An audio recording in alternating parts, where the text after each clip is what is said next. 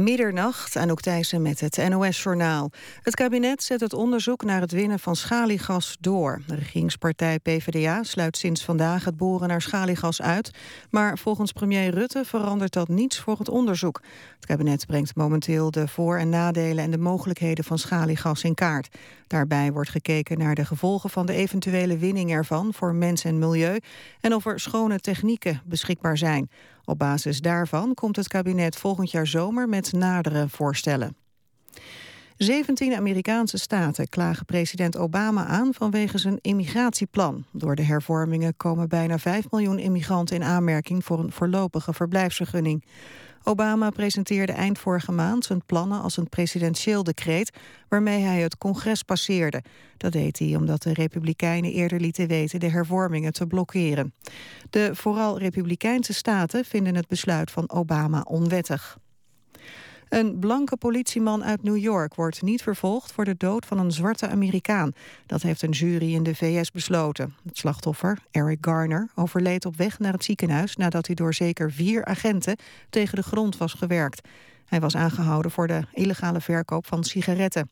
De zaak vertoont sterke overeenkomsten met die in Ferguson...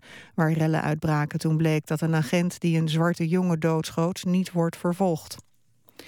Het internationale antidopingbureau WADA heeft onthutst gereageerd op de Duitse documentaire over de Russische sportwereld.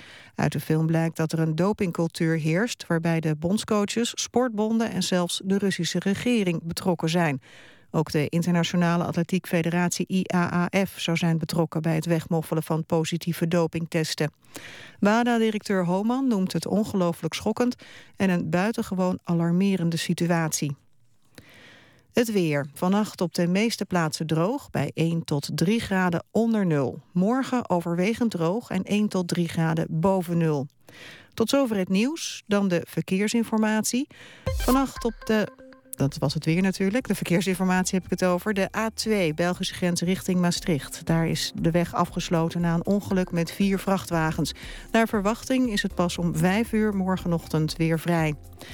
Op de A2 Eindhoven richting Maastricht tussen Maasbracht en Echt... staat 3 kilometer file door een gekantelde vrachtwagen. De rijbaan is daar ook dicht.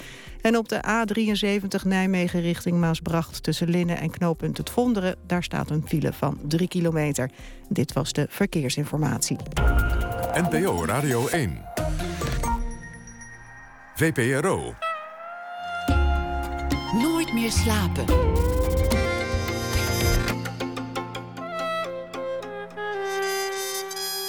Met Pieter van der Wielen. Goedenacht en welkom bij Nooit meer slapen. Nederland is een literaire prijsrijker, de Maarten Biesheuvelprijs.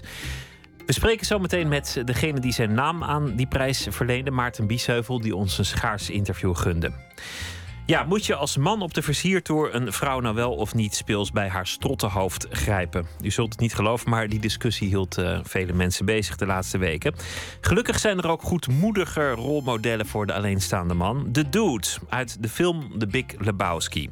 De bolende lapswans als voorbeeld voor de alleenstaande man. Een avond over dat thema en een suggestie van genderwetenschapper Maaike Meijer was dat. U hoort erover na één uur. Maar we beginnen met uh, Mark Schmid. Hij heeft een uh, film gemaakt de het chimpansee-complex, gewoon in het uh, Nederlands. Een documentaire over getraumatiseerde chimpansees die met mensen zijn opgegroeid en weer moeten leren om aap te worden. Mark Smit won twee jaar geleden een gouden kalf voor zijn film De Regels van Matthijs. Een uh, bejubelde film over zijn zwaar autistische jeugdvriend Matthijs. Mark Smit werd geboren in 1970, groeide op in Groningen in een uh, vrijgevochten milieu, belandde aan de filmacademie, maakte vele films. Schoolplein, Bitcatcher, Verzonken en Frits Wede, fotograaf zonder camera. Welkom. Je, je kijkt me verschrokken aan. Nee hoor. Eh, je bent in Groningen opgegroeid, toch? Ik ben in Groningen opgegroeid. Oh nee, dan heb ik het goed. Ja, soms zeg je iets eh, dat, dat, wat er helemaal naast zit. En dan denk ja, ik heb nooit filmacademie gedaan. Oké, dat, dat was waar, het, uh, waar de wenkbrauwen omhoog gingen. Ik wil, ik wil beginnen met je vorige film, als je het, uh, als je het niet erg vindt. Omdat, omdat die film zoveel lof heeft gekregen en, en, uh, en terechte lof ook. En, en zo bijzonder was. Denk je dat je ooit voor jezelf een film zult maken die, waar, waar je zoveel van jezelf in legt en die zo dicht bij je eigen emoties zal komen? Of me dat nog een keer gaat lukken? Ik hoop het wel. Um, maar ik had, na, na die film had ik me wel ten doel gesteld om dat gewoon even te vergeten. Want dat was zo'n heftige ervaring om hem te maken. En het was zo overweldigend hoe die ontvangen werd. Dat ik wilde iets heel anders even. Dat had ik wel. Ik dacht van, ik ga nu niet nog een keer proberen om hetzelfde te doen... of om dit te overtreffen. Dat heeft geen zin. Ik ga iets doen wat ik, wat ik niet graag doe. Ehm, maar maar nou ja, in dit geval is er al zoveel over de film geschreven. En, en al die andere journalisten deden het ook. Ik ga gewoon het, het einde van de film weggeven. Uh, jij volgt een, een jeugdvriend die ernstig autistisch is, die in het leven daardoor vastloopt. En die uiteindelijk ook zichzelf van het leven berooft. Terwijl jij bezig bent met het maken van die, van die film. Hoe is dat als je, als je een film maakt en je onderwerp, die toevallig ook een goede vriend van je is, die je al je hele leven kent, berooft zich van het leven? Ben je, dan, ben je dan, dan nog een filmmaker in eerste instantie? Nee, ik denk dat dat hetzelfde is als voor iedereen die zoiets van dichtbij meemaakt. En dat zijn het best wel veel mensen, ook trouwens, die dat wel een keertje meemaken. Omdat er best wel veel zelfmoord wordt gepleegd. Ja, exact. En dus ik denk dat dat, ja, dat is heel rauw. Uh, ja, het voelde, uh, heel fysiek voelde ik dat ook toen. Zijn zelfmoord voelde jij fysiek? Ja, zo, nou ja, natuurlijk niet echt, maar...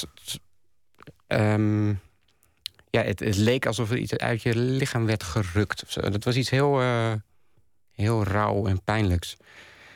En ja, op dat moment...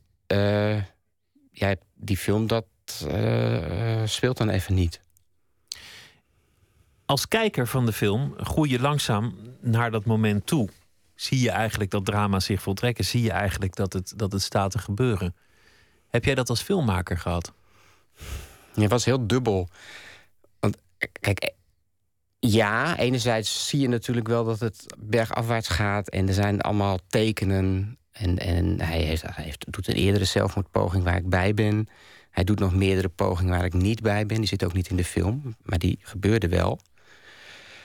Uh, dus ja, natuurlijk wist ik dat ergens wel. Maar ik, ja, je wil het op een bepaalde manier ook niet weten. Dus ik heb mezelf ook in die zin voor de gek gehouden... dat ik altijd maar dacht van ja, maar dit is nu even een moeilijke periode... en dan straks gaat het weer beter met hem... dan heeft hij weer een huis. En het is ook een manier om uh, een soort overlevingsstrategie, denk ik.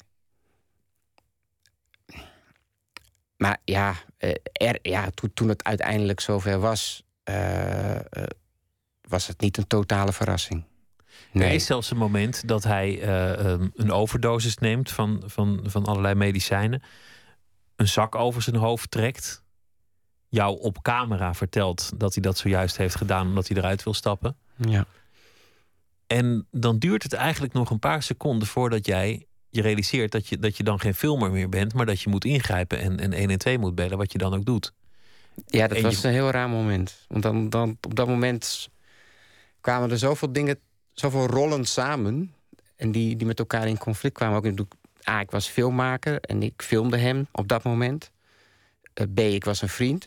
En C, op dat moment uh, moest ik ingrijpen, werd ik eigenlijk een soort hulpverlener. Want, want als, als vriend, um, hij wilde niet dat ik dat deed. Dat je hem van zijn dood afhield? Ja. Uh, en ik heb altijd, dat zo was onze vriendschap. we hadden een, een relatie van dat ik respecteerde wat zijn keuze was. Ook al was ik het er niet mee eens. Dat is de basis van onze vriendschap. En op dat moment kon ik dat niet meer doen. Voor mezelf. Jij was volgens mij, uh, voor zover ik uit de film kon opmaken, de enige die hij nog vertrouwde. Een van de weinigen in ieder geval. Een van de weinigen. Niet helemaal. Kijk, dat is een beetje vertekening in de, in de film. Uh, Omdat er maar zoveel personages in voorkomen. Exact. En ik was echt niet de enige hoor. Er waren nog wel, nog wel een handvol mensen met wie hij contact had in die periode. Uh, waaronder zijn vader en, en nog een aantal vrienden van hem. Maar het waren er niet meer zoveel meer op het eind. Dat is zo. Ja, ja, hij was wel, dus zijn gedrag was wel dusdanig geradicaliseerd... dat hij heel veel mensen van zich af had gestoten. Ja. Jij trekt die zak van zijn kop. Uh, althans, dat probeer je. Dat lukt eigenlijk niet zo goed. Je, je belt 112. Um, die camera die loopt door. Volgens mij was je die camera gewoon vergeten. Of niet? Nee, was ik niet vergeten. Nee, daar was ik me heel erg bewust van. En ik was ook heel erg bewust van uh, dat ik dat wel moest filmen. Dat, was, dat had wat, wel iets, iets tegen-intuïtiefs. Vooral in het begin, omdat ik voordat ik. Kijk, ik kwam daar binnen s ochtends. En ik wist wel dat het niet goed met hem ging. Maar ik heb, voordat ik vroeg van. Hoe gaat het? Wat heb je gedaan? Heb ik toch eerst die camera neergezet. Dus ik mezelf toe gedwongen van nee, eerst zet je die camera neer en dan pas vraag je dat. Wat iets heel raars is eigenlijk om te doen. Ehm, maar ja, we hadden ook onderling die afspraak. En, en van ik film jou no matter wat er gebeurt. Je, goede kanten, slechte kanten. Ehm, ik ga alles filmen. Daar was hij het ook mee eens. Dus ik vond ook dat ik dat moest filmen. Dat was, dat was waar we mee bezig waren. Dat was jullie afspraak. En, en dat wordt ook meteen aan het begin van de film duidelijk gemaakt. Is het nog steeds voor jou emotioneel om daarover te praten?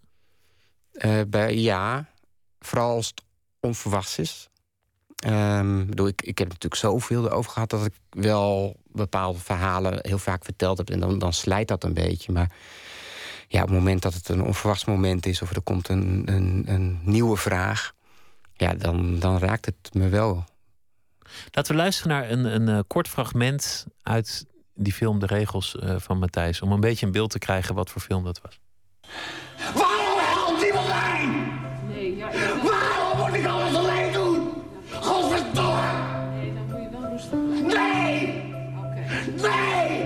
Niet dood!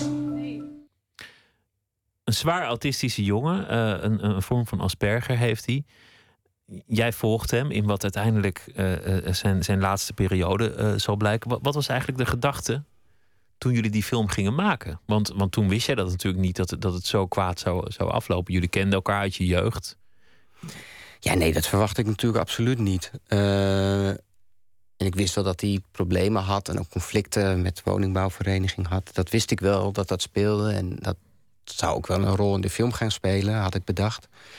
Maar het moest in eerste instantie een, een blik in zijn hoofd werpen. Dat was mijn doel van in zijn hoofd kijken en je afvragen: wat is het eigenlijk om autistisch te ja, zijn? Wat gebeurt er beter te begrijpen? In die harsjes van hem. Ja. Want ik kende hem al heel lang, maar er waren nog steeds heel veel momenten dat ik hem niet kon volgen.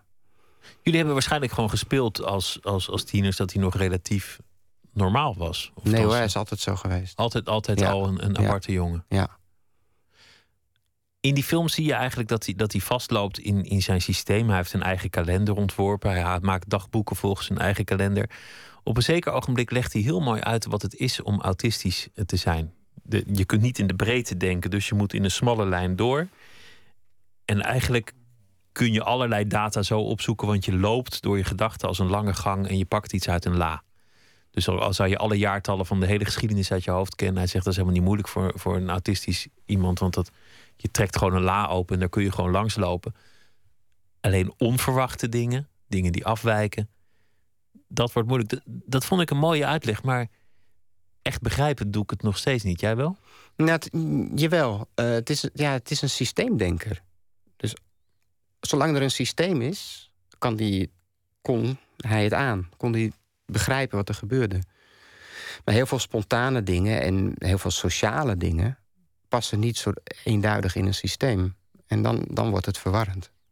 Dubbelzinnigheden, uh, mensen die een moeilijke boodschap verpakt gaan, gaan, gaan vertellen, waardoor, waar hij dan andere dingen in leest. Exact. Ik heb ook geleerd in de loop van de jaren om, om, om, om altijd extreem duidelijk te zijn naar hem toe, op het botten af gewoon soms echt heel bot dingen zeggen. Weet je? En wat ik normaal nooit tegen iemand zou doen, heb ik geleerd van ja.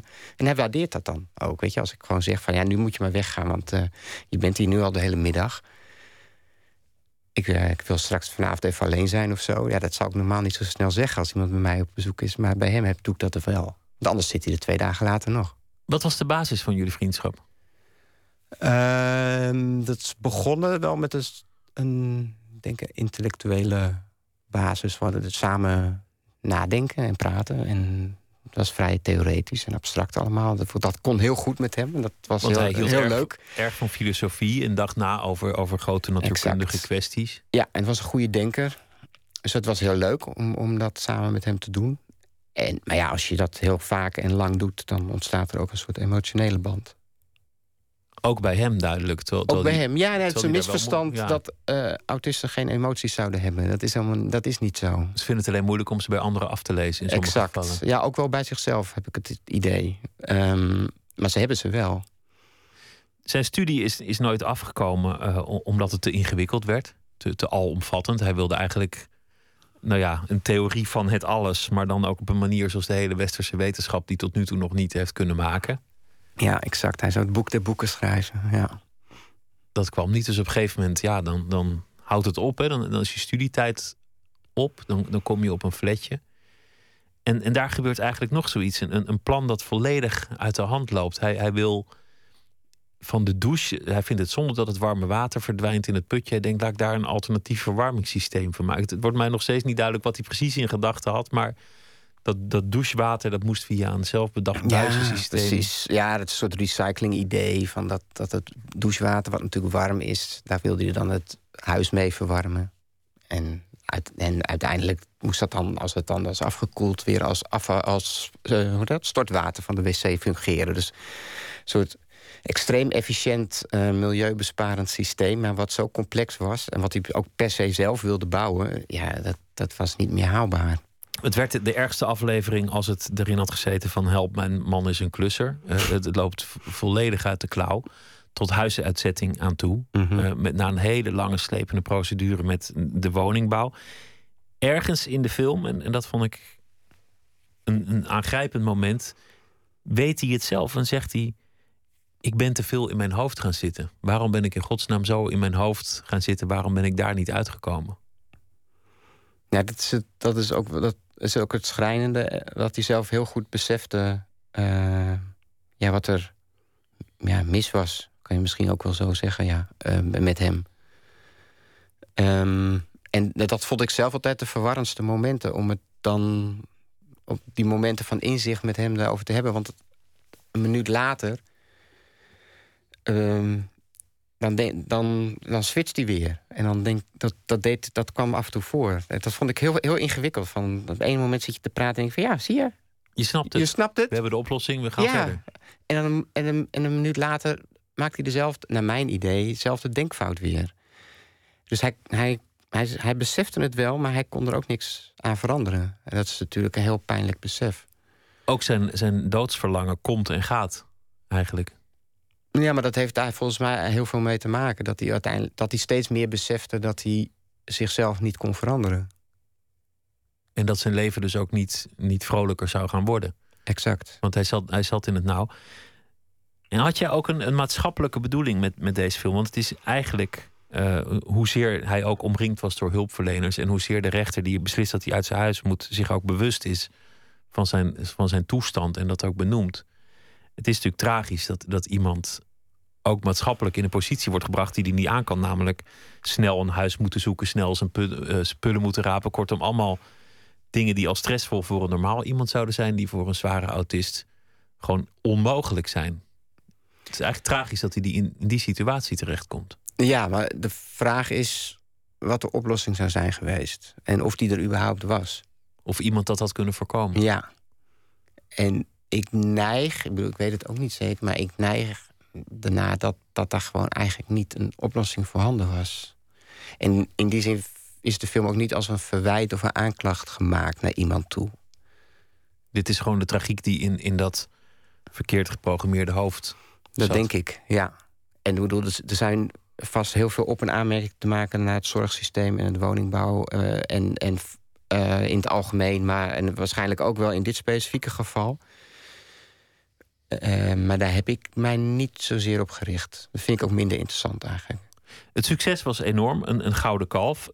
Extreem lovende eh, reacties. Ehm, hij heeft ook met succes eh, gedraaid her en der. Hij, hij is volgens mij heel goed bekeken ook. Voor een, een, een documentaire in ieder geval. Heeft dat je verbaasd?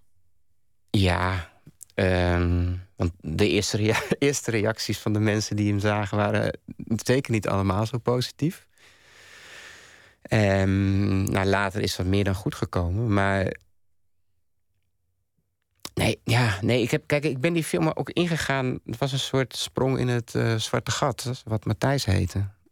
En ik wist niet waar ik uit zou komen. Dus ik ben gewoon maar. Of die film wel af zou komen. Je- Überhaupt, nou ja, toen hij natuurlijk een eind aan zijn leven maakte, wa- was ik, ik was halverwege met filmen. Van naar mijn idee. Ik bedoel, ik zou mi- minimaal een jaar filmen. En ik geloof dat het vijf, zes maanden uiteindelijk heb ik hem maar gefilmd. Dus naar mijn idee was ik op de helft. Dus ik wist ook echt niet of er wel een film uit zou komen. Ehm, en, en dat het dan inderdaad zo zou aanslaan. Maar blijkbaar heeft dat een snaar geraakt bij heel veel mensen. Omdat het een zeldzame kans is om in het hoofd van een autist eh, te kijken. Nou ja, blijkbaar. Ja, en Wat je oorspronkelijke idee ook was. Ja, nou, daar ben ik heel blij omdat het gelukt is. Maar dat kan je niet voorspellen. En ik weet ook niet hoe een film bij anderen overkomt als ik hem maak. Ik heb geen idee. Dat in het hoofd van een ander kijken, dat is, dat is een thema dat, dat in andere films ook eh, terugkomt. Ook in, in je laatste film, eh, waar we het over gaan hebben, over eh, apen. De reden dat je hier zit. Ehm, laten we eerst gaan luisteren naar muziek van John Lee Hooker. De, de man die het mooist kan brullen van alle blueszangers bij elkaar. En het nummer, want hij, hij stotterde eigenlijk, behalve als hij zong, ook wel interessant. Het nummer dat we draaien heet No Shoes. Hier is John Lee Hooker.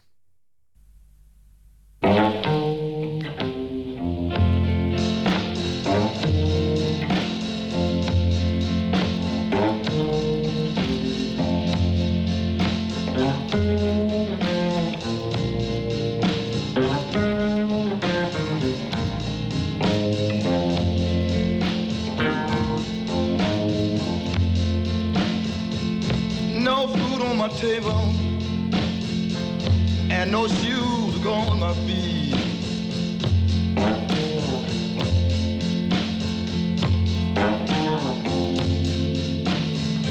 No food on my table and no shoes to go on my feet.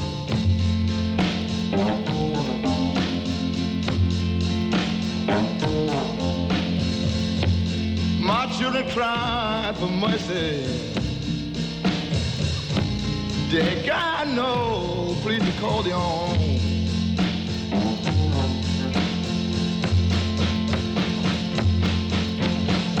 Hard times, hard times. Hard times seem like it's here to stay.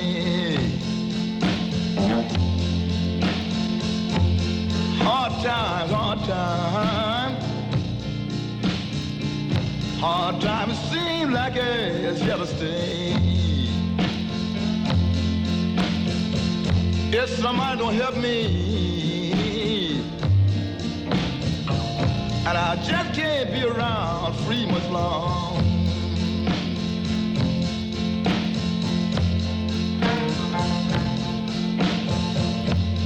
No shoes on my feet,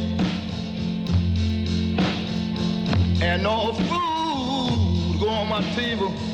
Oh no, too sad. Children crying for bread.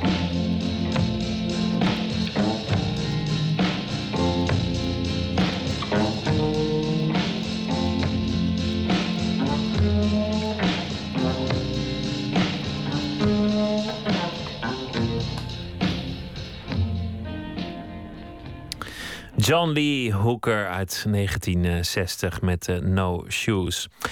Voor mensen die niet zijn blijven hangen in de muziek van voor 1975, eh, misschien een gelegenheid om eh, in te sturen voor de eindejaarslijstjes van Nooit meer slapen. U kunt ehm, insturen uw hoogtepunten, culturele hoogtepunten van het afgelopen jaar, uw favoriete albums, films, boeken. Wat zal u bijblijven? Andere voorstellingen, films, en nou ja, wat u maar gezien heeft. Nooit meer slapen, vpro.nl. En u maakt eh, kans op een cadeaubon van 25 euro. De week voor kerstmis, dan eh, zullen we al die lijstjes eh, verwerken tot een eh, soort kanon van eh, 2014. Nooit meer slapen, in gesprek met Mark Schmid, filmmaker, naar aanleiding van zijn laatste film, Het Chimpansee-complex. Ik zei dat je bent geboren in 1970, opgegroeid in een vrij gevochten milieu. Ik, ik zei het en ik vroeg me ineens af, wat, wat zeg ik daar eigenlijk? Wat, wat is dat voor een milieu? Een vrij gevochten milieu? Ja, ik heb een vrij clichématige, v- vrije jaren zeventig opvoeding gehad. Dus eh, Anti-autoritaire opvoeding. ja, anti-autoritaire opvoeding, eh, vrije seks. Ehm, Tussen je ouders dan? ja, En- ja en- nee, en, niet met mij, nee. Nee, nee. Gelukkig. Maar, maar wat, wat kreeg jij daarvan mee als kind? Nou, op, op als je wat jonger bent, niet zoveel. Wat later wel, dan krijg ik dan dan, zie- ja, dan zie je dat wel gebeuren, ja. Ja.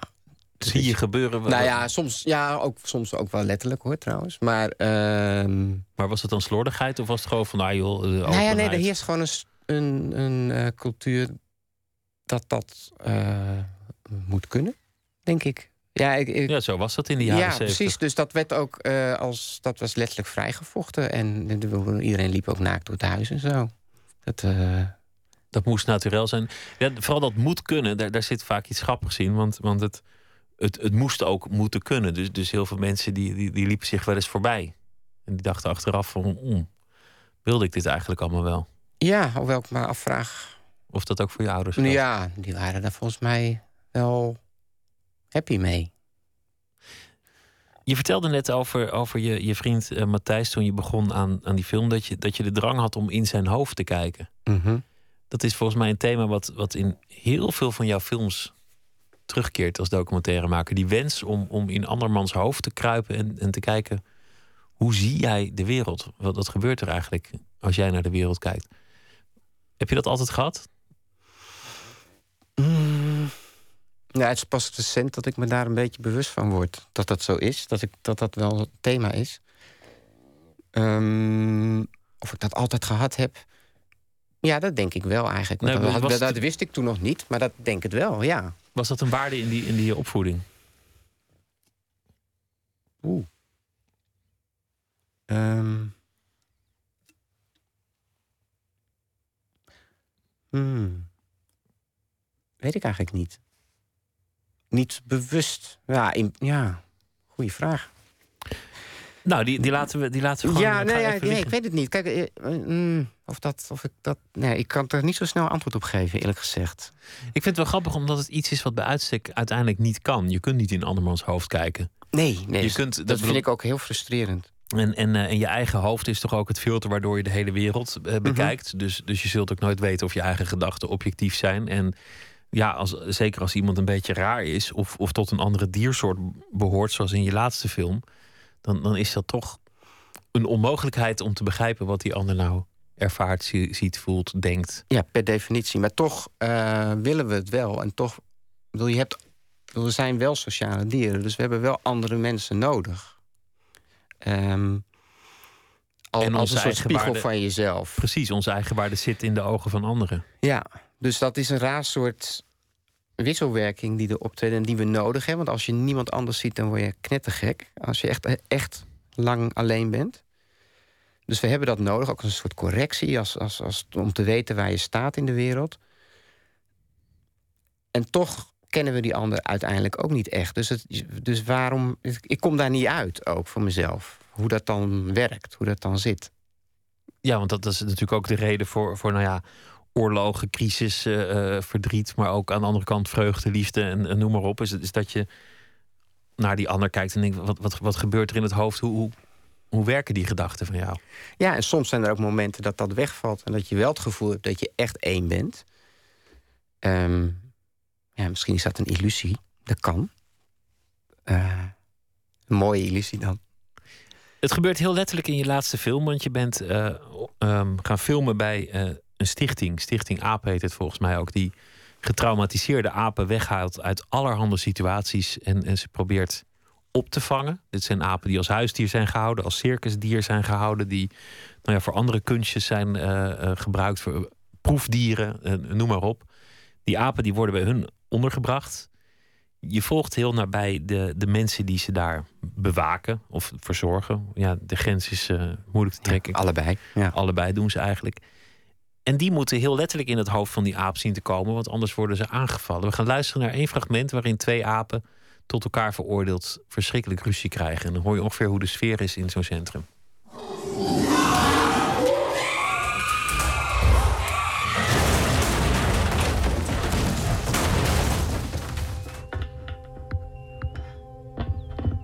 Hier wordt de camera gesloopt door, eh door Ja, dat gebeurde regelmatig. Ja. Ook jouw camera's of, of had je daar andere camera's Nee, voor? ja, net zijn mijn camera's, ja. Hoeveel, hoeveel camera's zijn er doorheen gegaan? Nou, nee, ik, heb, ik had ze vrij goed eh, verpakt. Dus uiteindelijk eh, hebben ze het overleefd. Maar daar had ik wel voorzorgsmaatregelen voor genomen, ja. ja. En, en er zat wel meestal een, eh, een hekwerk tussen. Dus ik had, de ik had één keer, heb ik, we, hebben een, ja, kan ik straks kan ik wel even laten zien eigenlijk. Je hebt, je hebt iets meegenomen Ja, van een camera. Ik heb iets meegenomen. We hebben namelijk ook één keer de camera in het hok gehangen. Ja? Eh, omdat ik ook toch, ja, dat was toch frustrerend. Want die dieren zijn gewoon, zijn wilde dieren, zijn gevaarlijk. Dus je mag dat hok niet in. Dus het was per definitie een soort, soort Je moest door tralies heen filmen ja, of, en dat is, ziet er trucs natuurlijk niet, uithalen. Ja, trucjes uithalen met kleine kamertjes tussen de spijlen door. En dat eh, ging allemaal wel, maar dat was natuurlijk ook frustrerend. Dus uiteindelijk heb ik er ook volgens mij gebruik van gemaakt... juist om die grens tussen mens en dier aan te geven. Even mijn tas open.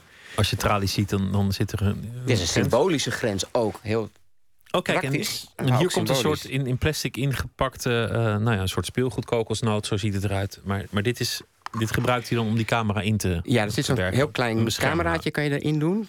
En eh, ja, dat is een van gietplastic beschermende laag eromheen.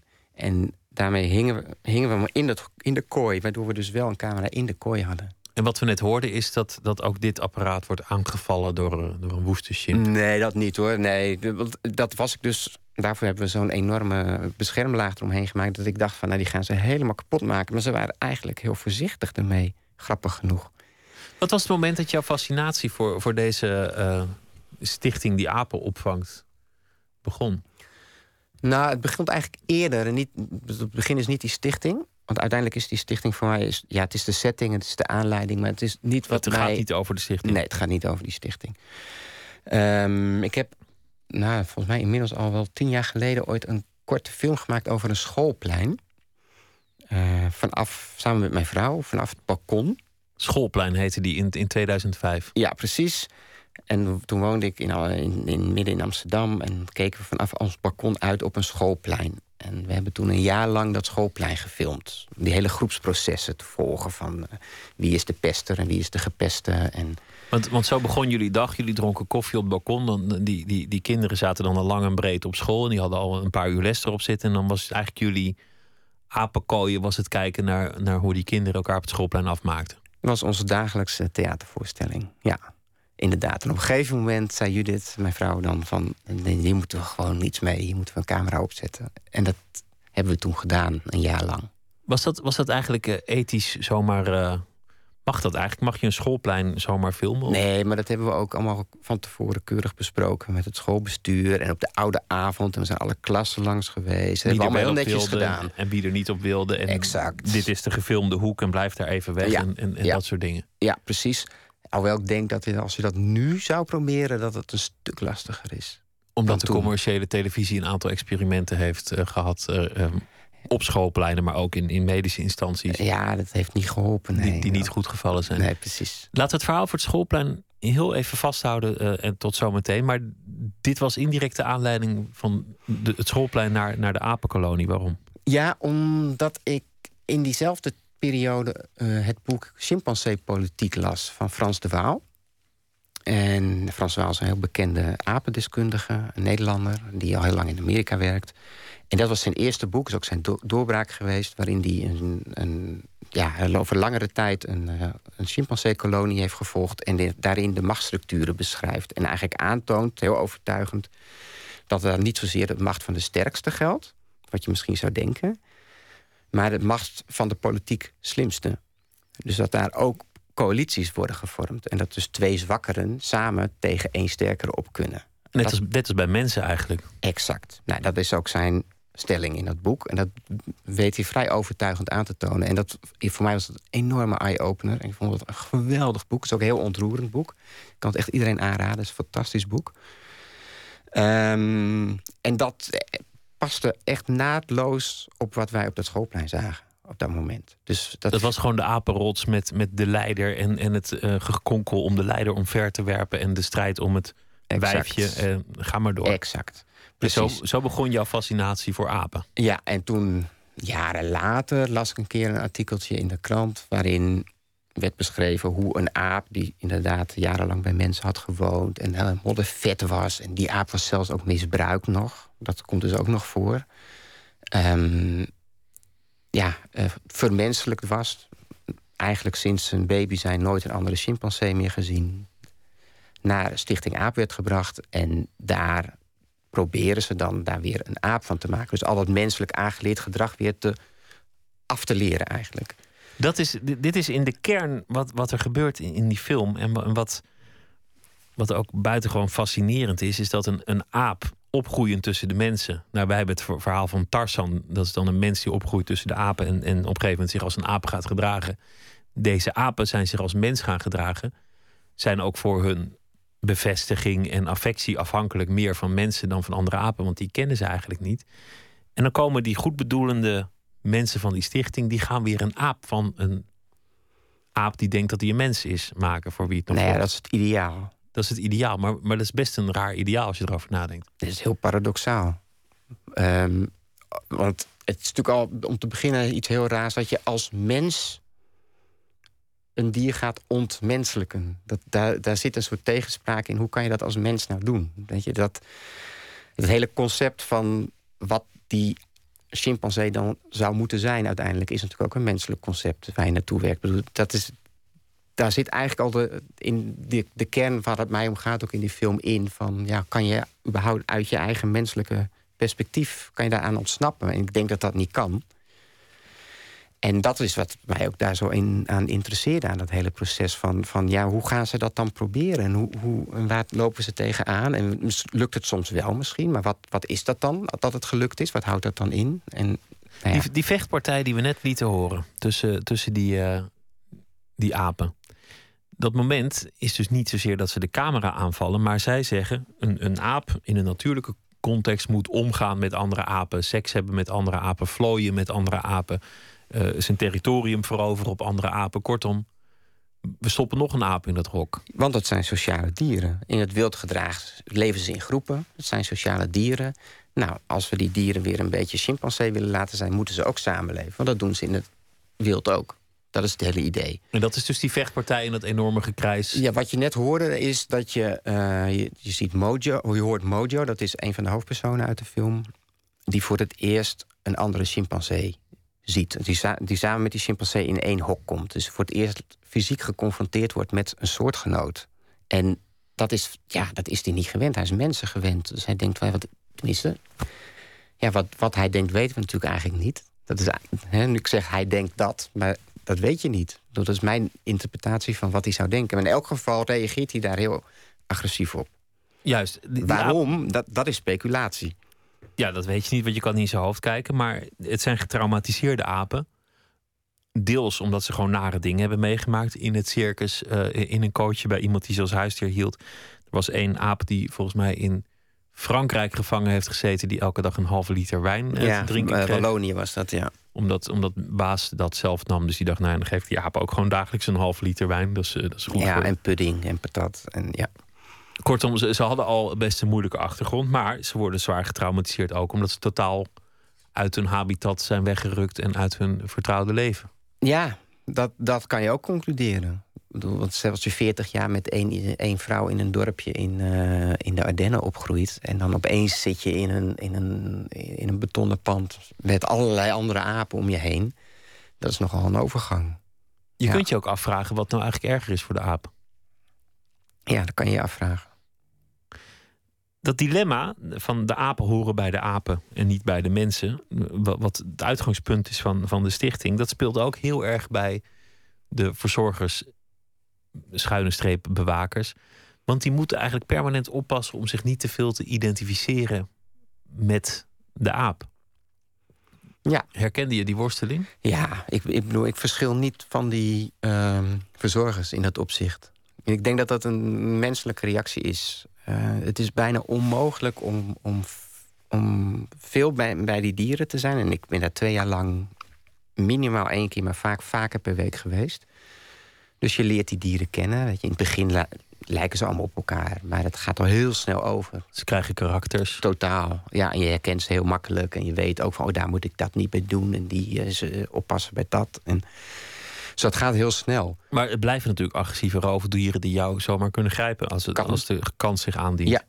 Ja, zeker. Dus die neiging om ze te knuffelen alsof Ja, je- die neiging heb je wel zeker bij sommigen die wel wat minder agressief zijn. Maar daar moet je wel weerstand aan bieden. Want ze zijn nooit helemaal 100% te vertrouwen. En zeker niet als ze in een groep zijn. En dan spelen groepsprocessen onderling, kunnen ook hun gedrag weer bepalen.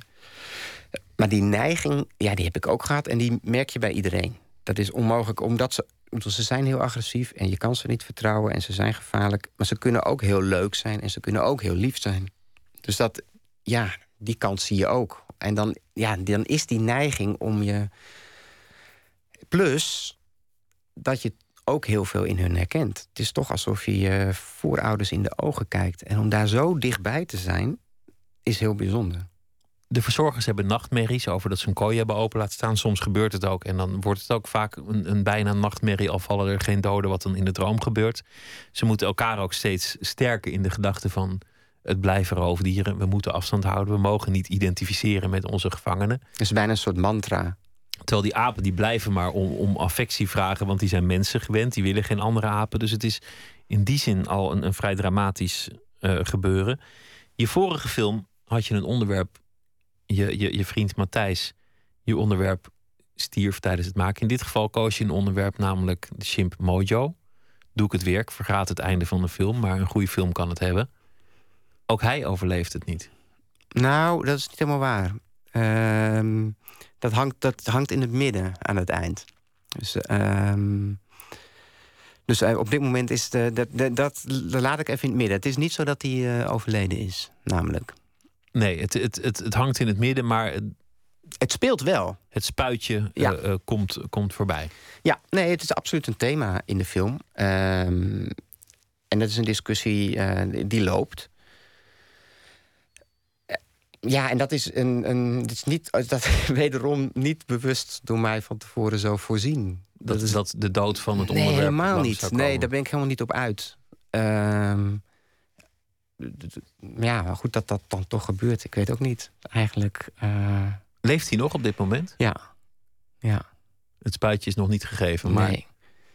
Nee, maar goed, het hangt helemaal vanaf. Ja, dat, dat hangt af van zijn uh, welslagen. Het hangt af van de. Uh, ja, waar ik niet in kan kijken in, in de belangen van Stichting AAP. Hoe zij dat inschatten. Um... Laten we gaan uh, luisteren naar uh, muziek. Het, het, eindigt met een open einde dus. De Amerikaanse band Wilco is een productieve band. Ze hebben eigen albums en gewone nummers, maar ze doen ook allerlei dingen er, erbij. Uh, voor films en dat soort dingen. En, ook live uitvoering. Kortom, allemaal samengebracht op een nieuw album. Alpha Mike Foxtrot. Zeldzame nummers van deze band. We gaan luisteren naar een live versie van Jesus, etc.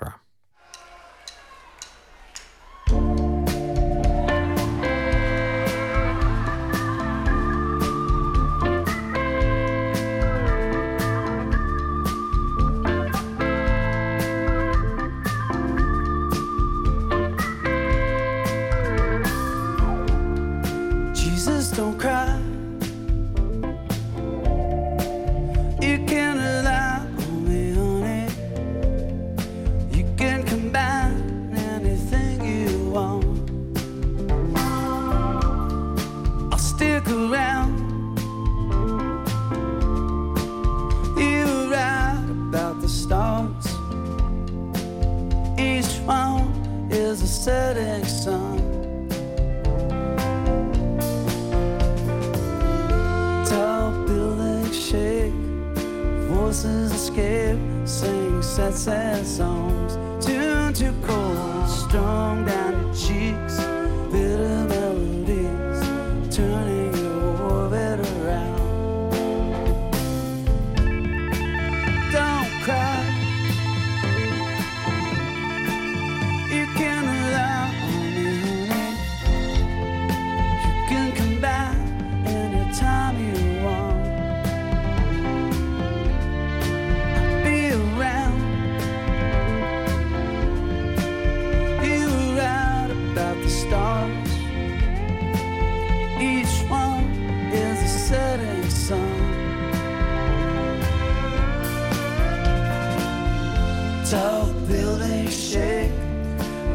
voices escape, singing sad, sad songs.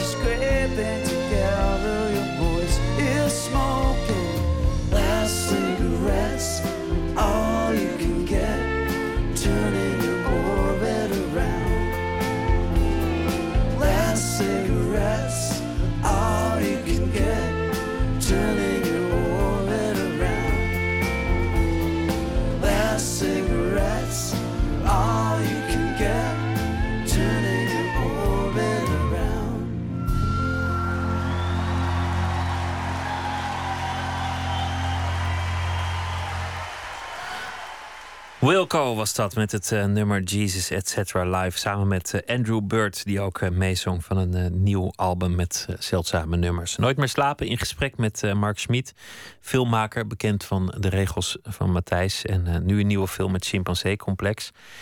Ja, die, die stichting AAP die bedoelen het allemaal goed, maar die hebben dus die opvatting van een aap moet een aap zijn, ook al ben je opgegroeid tussen de mensen. Ehm, ik vind dat ze er niet per definitie sympathiek van afkomen. Althans wel sympathiek in hun bedoelingen. Maar of het, of het altijd zo'n goed idee is... daar kun je eigenlijk eh, vraagtekens bij stellen. Ja, kan je doen. Ja, want er gaat heel veel geld en tijd en moeite in zitten. Eh, en nou, bij sommige chimpansees gaat dat ook best goed. Dat laat ik ook wel zien. Eh, maar bij sommigen ook minder goed. Eh sommigen zijn gewoon te beschadigd. En die, ja daar, daar, kan, ja, daar kan je misschien wel iets aan verbeteren. Maar echt een fantastisch leven zullen die eh, apen niet meer krijgen. Ehm, ja, en, en ik ben dan wel geneigd vrij zakelijk daarna te kijken.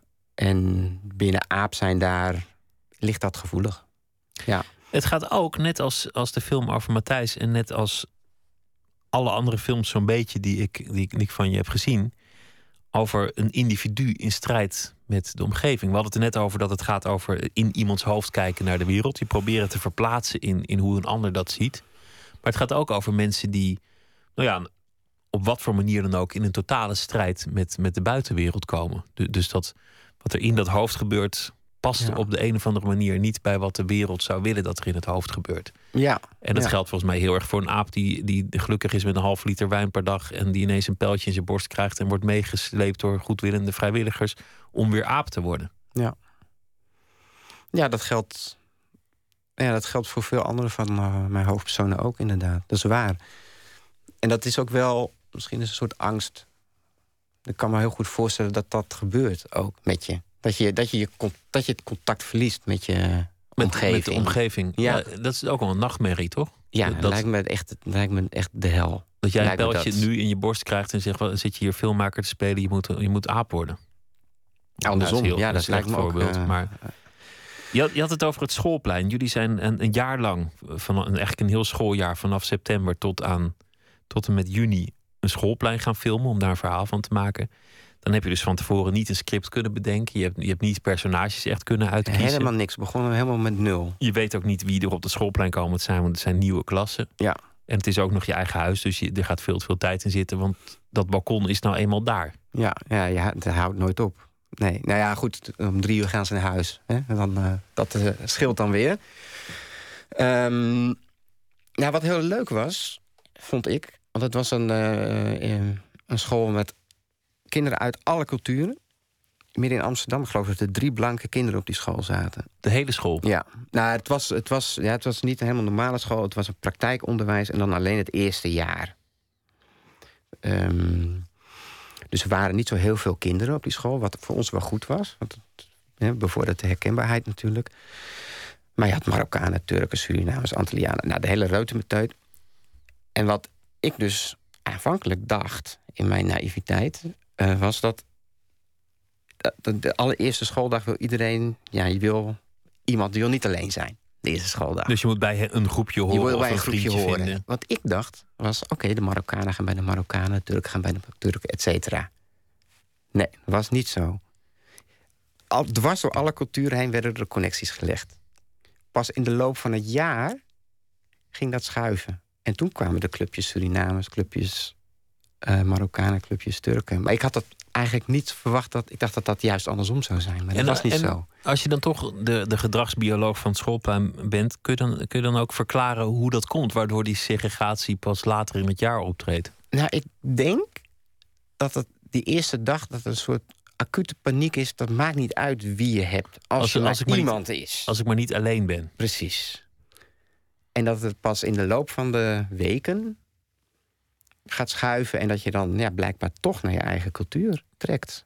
Dat is dan was, ja, ik zag het voor mijn ogen gebeuren. Dat is dan toch iets wat blijkbaar zo werkt. Op een zeker ogenblik wordt ook duidelijk mm, ja, wie het haasje is, wie er gepest eh, eh, zullen worden. Dat, dat gaat meedogenloos hard, zoals dat nou eenmaal gaat op, op een schoolplein. Juist. Ook dat is eigenlijk een individu in een totale strijd met de wereld om zich heen. Ja. Omdat wat in dat hoofd gebeurt niet past met wat buiten dat hoofd gebeurt, of om wat voor andere redenen dan ook. Ja, meestal afwijkend gedrag. Dat is meestal de aanleiding. Als je je niet conformeert aan, eh, aan, aan de groep. Dat was heel duidelijk bij de kinderen die gepest werden. Dat waren de buitenbeentjes. Maar zo werkt toch ook eigenlijk de hele samenleving? Ik Ja. bedoel, onze samenleving kent toch maar één regel: dat is doe wat iedereen doet. Ja, En anders word je gestraft. En als je de straf niet kan hebben, dan had je maar gewoon moeten doen wat iedereen doet. ja, dat denk ik ook. Dat is volgens mij gewoon de essentie van de samenleving. Ja, maar creepy, toch? Zit daar ook die jaren zeventig opvoeding? Want, want daar vroeg ik dit naar, van, van dat kijk in het andere hoofd. Dat anti-autoritaire, dat gaat toch uiteindelijk ook over eh, individu zijn ten opzichte van, van een, een omgeving die daar vijandig aan is. dat heb ik wel meegekregen, ja.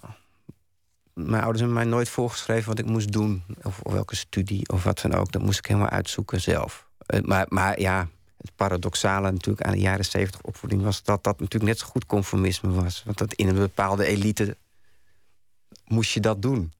Dus dat was natuurlijk zo vrijgevochten... was dat nou ook weer niet.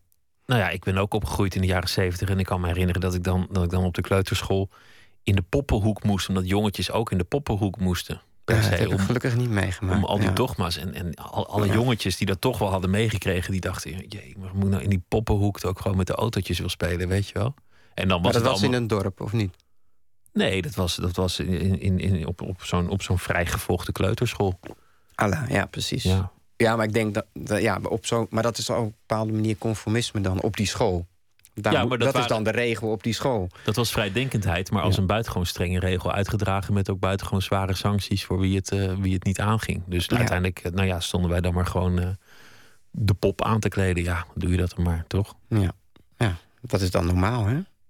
Het alternatief is, bu- buiten die, die harde straf van het individu dat zich niet aanpast, de eenzaamheid. Dat, dat noem je net ook. Ja. Aan, aan het begin van het jaar wil je vooral niet alleen zijn. Die, die aap, die is ook bang om alleen te zijn. Want die ziet een andere aap niet als gezelschap. Dus die is ontzettend eenzaam. Matthijs die zegt ergens in zijn, in zijn ingewikkelde dagboeken met zijn eigen kalender: Ik heb genegenheid nodig. Ik ben op zoek naar affectie. Dat moet er maar eens van komen. Is, is, dat de grote bedreiging, denk je, voor, voor iedereen uiteindelijk? Meer nog dan de straf van de omgeving? Ehm, ja. Ja, ik bedoel, het is, negatieve aandacht is beter dan geen aandacht. Alles beter dan alleen zijn Ja, uiteindelijk. alles beter dan alleen zijn. Ja, absoluut. Je hebt een film gemaakt die, die eigenlijk op, op, een, op de grens van, van fictie zit. Namelijk de film eh, Verzonken. Je hebt nog veel meer films gemaakt die, die we niet allemaal kunnen bespreken. Maar in, in Verzonkenheid probeer je eigenlijk de eenzaamheid van, van, een, van een oudere duidelijk te maken. Het is, het is op bepaalde opzichten zelfs een, een beetje een abstracte film geworden. Ja, totale leegte is het. Ja, in die zin heel abstract. Ehm, het, ja, het is, het is een, een, een film. eh, Die, ik kende die vrouw al heel lang. En dat is, ik heb geprobeerd te filmen hoe zij daadwerkelijk leeft. En dat is vaak dagenlang dat ze niemand ziet. Ehm, maar dat is natuurlijk heel raar om daarbij te zijn. Want met, dan, met een ziet ze juist iemand. En Want dan is ze niet meer alleen. Dus dat was een soort de, de catch-22 waar ik in zat. Van hoe, hoe ga ik dat dan doen? Hoe film je eh, beklemmende eenzaamheid? Ja, op een documentaire manier. Eh, dus ik heb.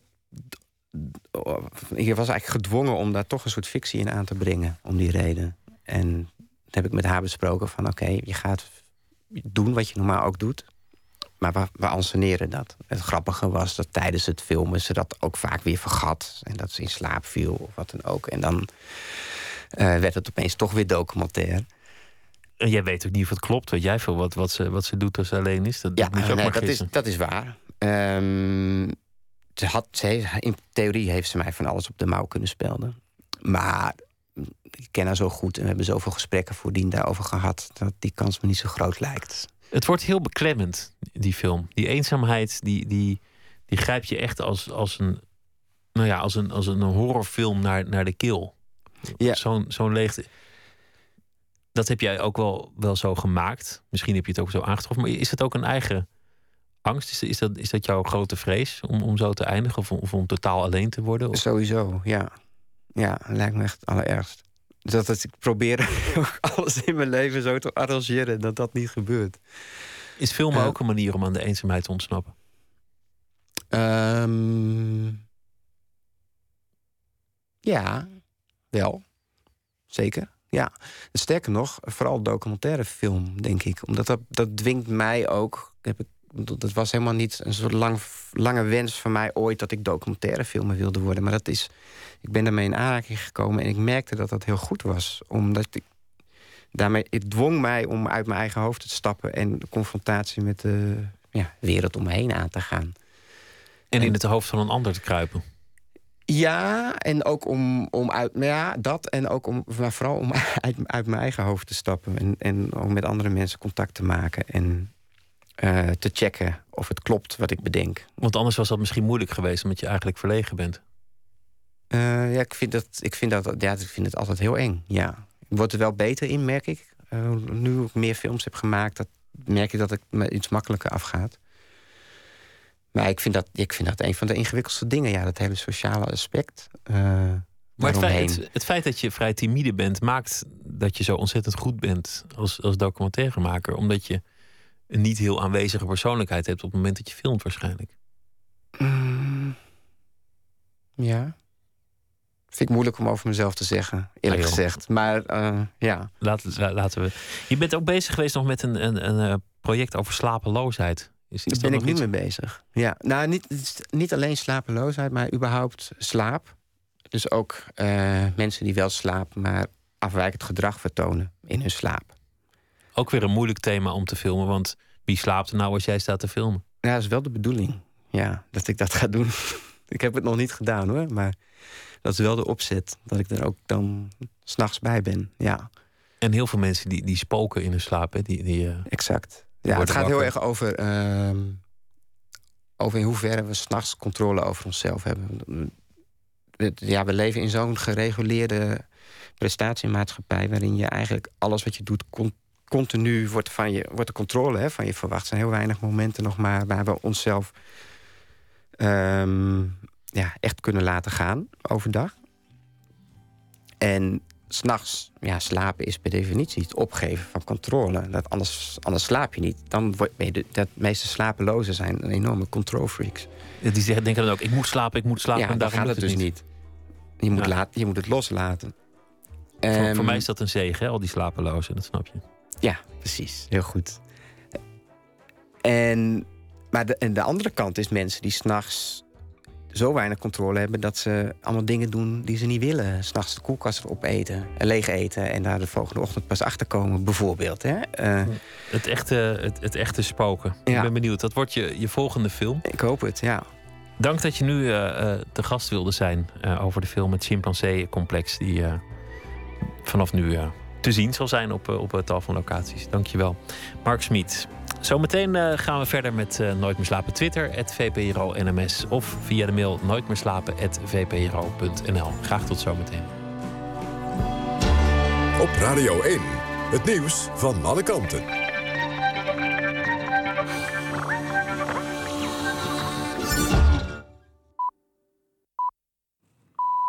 1 uur, Anouk Thijssen met het NOS-journaal. In New York is een blanke politieman door een onderzoeksjury vrijgesproken voor de dood van een zwarte man. Het slachtoffer, Eric Garner, overleed op weg naar het ziekenhuis nadat hij door zeker vier agenten tegen de grond was gewerkt. Hij was aangehouden voor de illegale verkoop van sigaretten.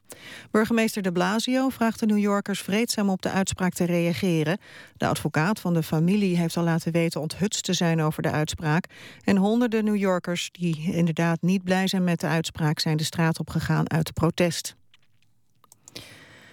17 Amerikaanse staten klagen president Obama aan vanwege zijn immigratieplan. Door de hervormingen komen bijna 5 miljoen immigranten in aanmerking voor een voorlopige verblijfsvergunning. Obama presenteerde eind vorige maand zijn plannen als een presidentieel decreet waarmee hij het congres passeerde. Dat deed hij omdat de republikeinen eerder lieten weten de hervormingen te blokkeren. De vooral republikeinse staten vinden het besluit van Obama onwettig. Het kabinet gaat door met het onderzoek naar het winnen van schaliegas. Afgelopen dag sloot regeringspartij PvdA het boren naar schaliegas uit... maar volgens premier Rutte verandert dat niets aan het onderzoek. Het kabinet brengt momenteel de voor- en nadelen... en de mogelijkheden van schaliegas in kaart. Op basis daarvan komt het kabinet volgend jaar zomer met nadere voorstellen. Het internationale antidopingbureau WADA heeft onthutst gereageerd op de Duitse documentaire over de Russische sportwereld. Uit de film blijkt dat er een dopingcultuur heerst waarbij bondscoaches, sportbonden en zelfs de Russische regering zijn betrokken. Ook de Internationale Atletiek Federatie IAAF zou betrokken zijn bij het wegmoffelen van positieve dopingtesten. WADA-directeur Homan noemt het ongelooflijk schokkend en een buitengewoon alarmerende situatie. Het weer. De komende uren is het op de meeste plaatsen droog en vriest het 1 tot 3 graden. Overdag blijft de kans op neerslag klein. Het blijft overwegend bewolkt en het wordt 1 tot 3 graden boven nul. Tot zover het nieuws, dan de verkeersinformatie. De A2, Belgische grens richting Maastricht, is afgesloten... na een ongeluk met vier vrachtwagens. Naar verwachting is de weg pas om 5 uur vrij. Op de A2 Eindhoven richting Maastricht tussen Sint-Joost en Echt staat een 2 kilometer file door een gekantelde vrachtwagen. De rijbaan is daar dicht. Op de A73 Nijmegen richting Maasbracht tussen Maasbracht en knooppunt Het Vonderen. Daar staat een file van 2 kilometer. Dit was de verkeersinformatie. NPO Radio 1.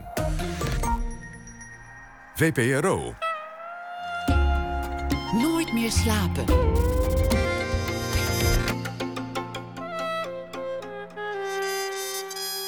Met Pieter van der Wielen. U luistert naar Nooit meer slapen. We beginnen dit uur met Jamal Uriachi. Hij is eh, schrijver, debuteerde in 2010 met zijn roman De Vernietiging van Prosper Morel. Zijn tweede boek heette Vertedering en hij heeft ook nog een trilogie geschreven samen met David Pefko en Daan Heerma van Vos. Deze week schrijft hij elke dag een verhaal voor ons over eh, iets dat hem inspireerde in de afgelopen dag. Jamal, goeienacht. Hey, hallo Pieter. Je had gisteren het plan opgevat om uh, elke dag willekeurig een plek op de wereldkaart aan te wijzen. Alsof je een dartpijltje op de, op de globe gooit. En te kijken wat er daar in het nieuws is. Gaat het, gaat het Ja. echt zo willekeurig en heb je dat plan vastgehouden? Nee, ja, jij, het moet ook een herhalingsoefening worden. Dus dat was gisteren leuk, maar eh, vandaag moest het maar weer eens wat anders worden. Wie weet morgen weer. Dus, eh, maar, ja, eh, oké. eh, Nou ja, wat jij ja. wil. Het is, het is jouw, eh, jouw onbeschreven bord. Ja, precies. Ja, dus we, kunnen alle kanten op. Het, we gaan wel naar het buitenland. Het was, eh, tenminste, het, ergens is het ook wel een internationaal verhaal. Maar ik, eh, ik las iets over eh, in- insecten in New York. Die schijnen te helpen bij het, die dragen bij aan het opruimen van de stad. Er is een of ander onderzoek naar verricht. En ehm, blijkt dat die, vooral mieren schijnen nogal goed te zijn in eh, het opruimen van chips en eh, koekjes en hotdogs en allerlei troep die maar her en der neergeflikkerd wordt. En dat schijnt ook nog allemaal gunstige effecten te hebben. Dus eh, dat, ze, houden ratten een beetje op de achtergrond, omdat die mieren zijn blijkbaar de ratten te snel af. Dus Nou. dat is hartstikke mooi. Dat, Goed dat nieuws voor de, voor de insectenpopulatie. Als ik denk Zeker. aan New York en, en insecten, dan denk ik allereerst aan, aan gigantische kakkerlakkenplagen. Want, want die, Ja, heb je, ja. die heb je daar natuurlijk. Maar Ja. mieren worden toch ook als plaagdieren gezien. En, en daar kun je toch ook last van hebben. Fruitvliegjes wordt als hinder ervaren. En eh, een wespennest wordt uitgerookt. Ja, maar blijkbaar in de publieke ruimte, zoals zolang ze je huis niet binnenkomen, heeft het toch zo zijn, eh, zijn nut blijkbaar voor de gemeenschap. Dat, eh, En dat was nu door uh, deze en of gene onderzocht en aangetoond en gepubliceerd? Ja, wat was het? De, de, de, de North Carolina State University heeft het uh, allemaal onderzocht. Dus dat, uh, ja, fantastisch. Nou ja, dat klinkt chic. mooi dat die mensen dat, dat, doen. Dus ik heb me daardoor laten inspireren. Want het, kan, het is hartstikke mooi dat die mieren dat doen. Maar het kan soms ook ja, moeilijkheden opleveren. Daar gaat het verhaal over soms vandaag. Ik ben benieuwd. Laat horen. Het heet aanklacht. Luister, wij wisten van niks. We doen gewoon ons werk. Zonder aanzien des objects, als het ware. Ligt er een halfvolle zak chips? Prima, verwerken. Doen we niet moeilijk over. Heb ik met mijn team, we ons kwaad maken, binnen twee, drie dagen uit de weg geruimd. En het werk is niet zonder gevaar. Zeker niet in een zogeheten recreatieve hotspot zoals dat park. Je hebt er nogal veel joggers. Dus je moet altijd op je quivive wijzen. Goed luisteren, goed kijken en ondertussen je ding doen. Dus om even terug te komen op de aanklacht. Wij nemen de risico's. Wij maken de vuile handen. En als je dan als organisatie zo'n beschuldiging voor je kiezen krijgt... dan denk ik wel eens... jongens, waar doen we het eigenlijk voor? Kijk, mensen moeten begrijpen dat wij in een hiërarchische structuur opereren. Als je in het veld bent, dan kun je geen vragen gaan stellen of orders negeren. Nee, dan moet je gewoon handelen. En wij zijn natuurlijk geen tovenaars. We beschikken over een, ja, een instrumentarium dat heel precies is, maar waarbij je toch een bepaalde foutenbasje in acht moet nemen. En daar ligt het probleem. Zeker tegenwoordig met al die organic shit. Daar is de apparatuur niet op ingesteld. En dan wordt het dus heel erg moeilijk om onderscheid te maken tussen voedsel en ja, uh, stoffelijk overschot. Puur chemisch gezien is het allemaal één pot nut. Dus ja, ik begrijp best dat het voor de mensen belangrijk is dat deze zaak wordt opgelost. En uiteraard ben ik bereid tot DNA-onderzoek. Ze mogen mijn maag zelfs leegpompen als ze willen in de magen van allemaal manschappen. Maar uiteindelijk ligt de verantwoordelijkheid toch bij de betreffende bewindspersonen. Begrijp je? Al dus uh, de, de nieuwe gemeentereiniging met, uh, met het uh, toepasselijke accent. De mieren waren het woord. de, koning, de koning der mieren die, die heeft, heeft gesproken. Het is altijd, altijd leuk om in het hoofd van een mier te kruipen trouwens. Jazeker, ja, ja, zeker een New Yorkse mier met een plat Amsterdamse accent. Dat is altijd een feest, ja. Je had, je had ook ooit zo'n hele leuke film over, over mieren met de, de stemmen van Woody Allen. Waarin een mier in therapie moest en dacht: Ik heb het idee dat ik als individu er totaal niet toe doe. En dat ik alleen maar deel uitmaak van een kolonie. En uh, dan zoomde het uit en dan zag je hem ook inderdaad in die mierenhoop zitten. En ja, die doet vaak een belletje rinkelen. Was dat een tekenfilm of, of niet? Ja, het was een tekenfilm, maar het is eigenlijk 300 jaar geleden, joh. Ik weet, ik weet ook niet waarom ik hem aanhaal. Maar daar moest ik aan denken omdat jij in het hoofd van, uh, van de mier kroop. Ja, ja precies. Nou, ik ben benieuwd waar je morgen mee komt. En uh, voor nu wens ik je een, uh, een hele goede nacht. Helemaal goed. Ik nog Pieter. Dankjewel. Jamal, goede okay. nacht. Hoi. Mary J. Blige, uh, de soulzangeres, die had wat uh, inspiratie nodig. Dat, uh, het lukte allemaal even niet in de Verenigde Staten, dus ging ze naar Engeland. Ze dacht misschien daarbij aan Tina Turner, die ooit naar Engeland vertrok en daar het succesvolle album Private Dancer maakte. Mary J. Blige heeft dus haar London Sessions opgenomen, die zijn heden uitgekomen. We gaan naar een van de liedjes van dat prachtige album When You're Gone.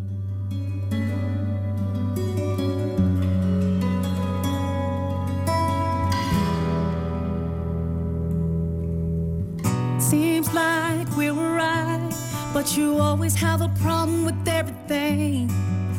Appreciate your advice, but sometimes I have trouble managing. Now that I'm paying attention, I see how beautiful you are. But when you spend so much time together, that image can get so dark. But when you're gone, I miss you like I did when we were first together. No one in this world could ever hold me better. Just tell me when you're coming home. When you're gone, I miss you like you took a piece of me with ya. Didn't think I cared that much, did ya? Just tell me when you're coming home. Seems like we were right, but today I woke up on the wrong side. I need silence to keep me bright, otherwise today won't be nice. I wanna laugh with you again, just like you are my best friend. But friends can always leave, and we're too close, and too close is never easy. I miss you like I did when we were first together. No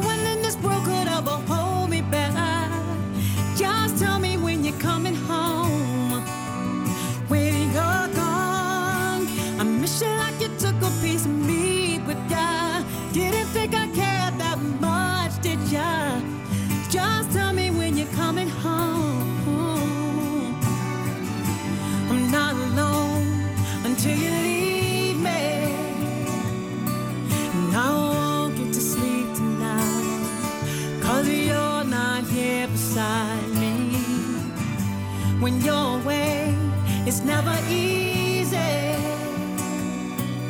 You make it all right. I miss you. When you're gone, I miss you like I did when we were first together. No one in this world could ever hold me better. Just tell me when you're coming home.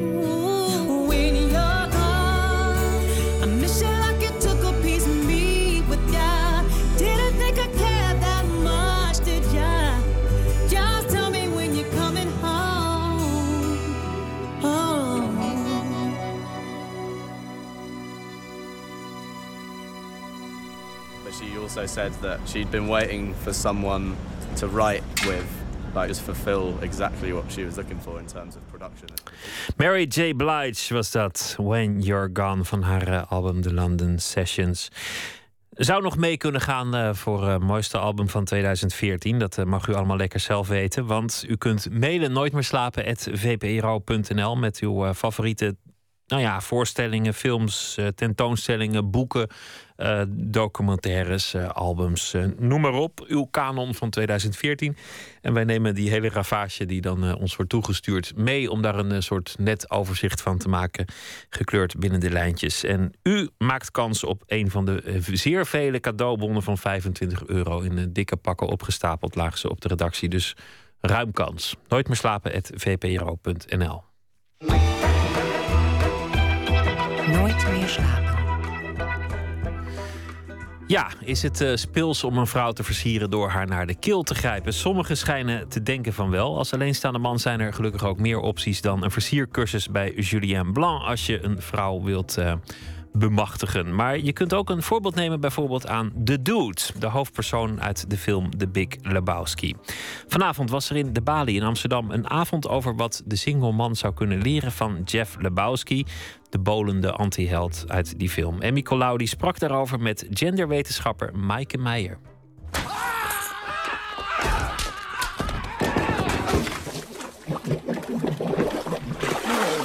Where's the money, Lebowski? You want that money, Lebowski?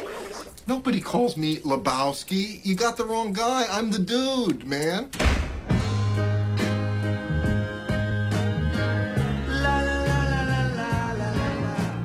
De Dude, ook wel genoemd His Dudeness, The Duder of El Dudorino. Gekleed in shabby ochtendjas met een White Russian in zijn hand, is hij de onvergetelijke hoofdpersoon uit The Big Lebowski. Een film uit 1998 van de Coen Brothers. Dat is een hele troostrijke film voor mensen die geen toekomst hebben, zou ik zeggen. Your name's Lebowski, Lebowski. Your wife is Bunny. My my my wife, Bunny. Do you see a wedding ring on my finger? Does this place look like I'm fucking married? He looks like a fucking loser. Hij ziet er totaal niet uit. Hij heeft de verkeerde kleren aan, om het zo maar eens te zeggen. Hij gaat in zijn ochtendjas naar de supermarkt. Maaike Meijer is literatuur- en genderwetenschapper. Ze schreef onder andere de biografie van Vazalis, maar buigt zich ook over fenomenen als André Hazes en André Rieu. Ze is geïnteresseerd in de verbeelding van mannelijkheid in onze cultuur.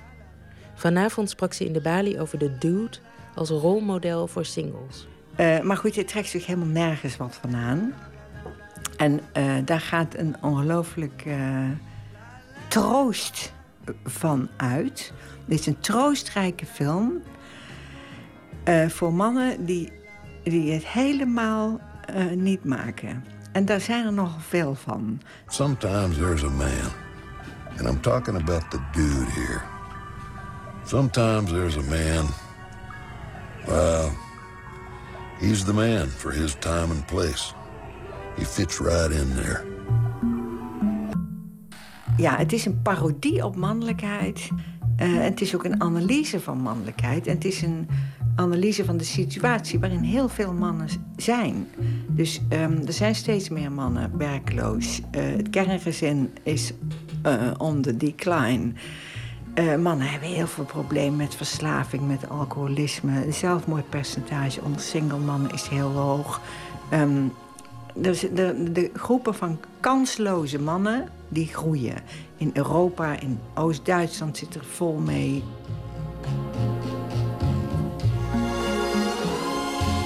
Vrouwen zijn tegenwoordig veel beter opgeleid, zijn veel gemotiveerder om er wat van te maken, trekken naar de stad, zijn ambitieuzer, beheerster, uh, zijn krachtiger. En mannen die krijgen het gewoon niet voor elkaar, vaak, gemiddeld.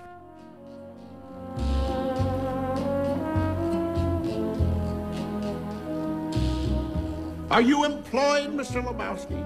Oh, wait, wait, let me let me explain something to you. Um, I am not Mr. Lebowski. You're Mr. Lebowski. I'm the dude. So that's what you call me, you know? Uh, that or uh, his dudeness or uh, duder or, uh, you know, El Duderino if you're not into the whole brevity thing. Uh, Are you employed, sir? Employed? you don't go out looking for a job dressed like that, do you? On a weekday?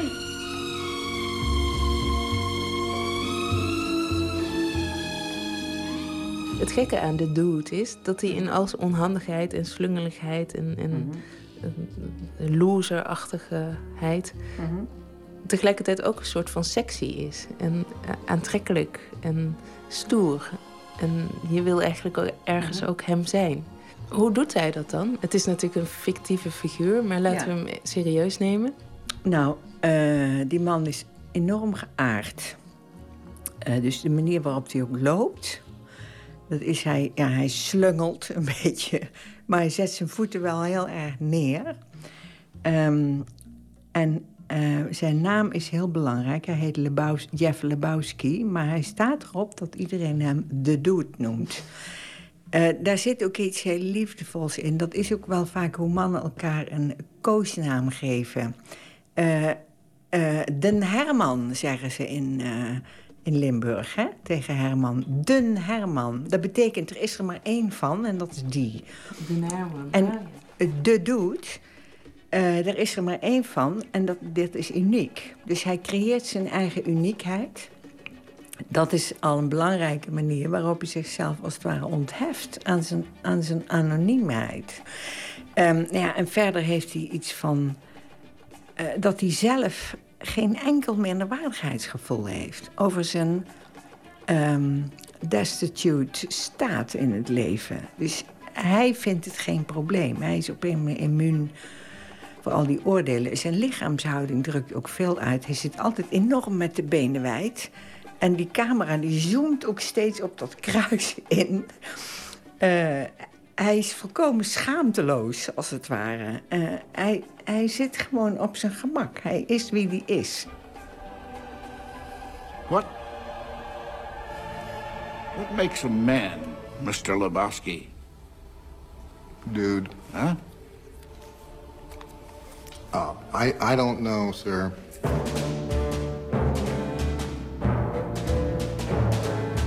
Zouden vrouwen hier eigenlijk ook mee wegkomen? Ja, dat vind ik een enorm interessante vraag. Ehm, ik denk dat, dat zijn grote kracht is dat hij gewoon volkomen accepteert wie hij is. En dat is natuurlijk heel benijdenswaardig. En, en ik vind zelf in het leven mensen die, die gewoon zijn wie ze zijn. Weet je, al hebben ze bij wijze van spreken het verkeerde overhemd aan. Dat kan ze helemaal niet schelen. Vrouwen die moeten vaak meer moeite doen om die, om die onschokbaarheid te bereiken. En vrouwen zijn natuurlijk heel veel met hun uiterlijk bezig. En met hun looks. Want dat is een soort kapitaal. Wat, wat, wat je denkt nodig te hebben als vrouw. Ehm, wat ik in deze film heel interessant vind, is dat er eh, bepaalde figuren in zitten. Eh, die, die ehm, Jezus, dat is een Spanjaard, die komt bolen. En dat is een soort verwijfde macho die zich helemaal heeft opgedirkt met, met allemaal ringen. En dus die is helemaal bezig met zijn uiterlijk. Maar die heeft dus alleen maar dat uiterlijk. Dat is heel vrouwelijk. Dus, dus het enige waar hij mee bezig is, is hoe zie ik eruit? En dan een grote bek. En zeggen van, ik ga, ik ga van jullie winnen op de competitie straks. I'll take it away from you and stick it up your ass and pull the fucking trigger till it goes click. Jesus. You said it, man. Nobody fucks with the Jesus.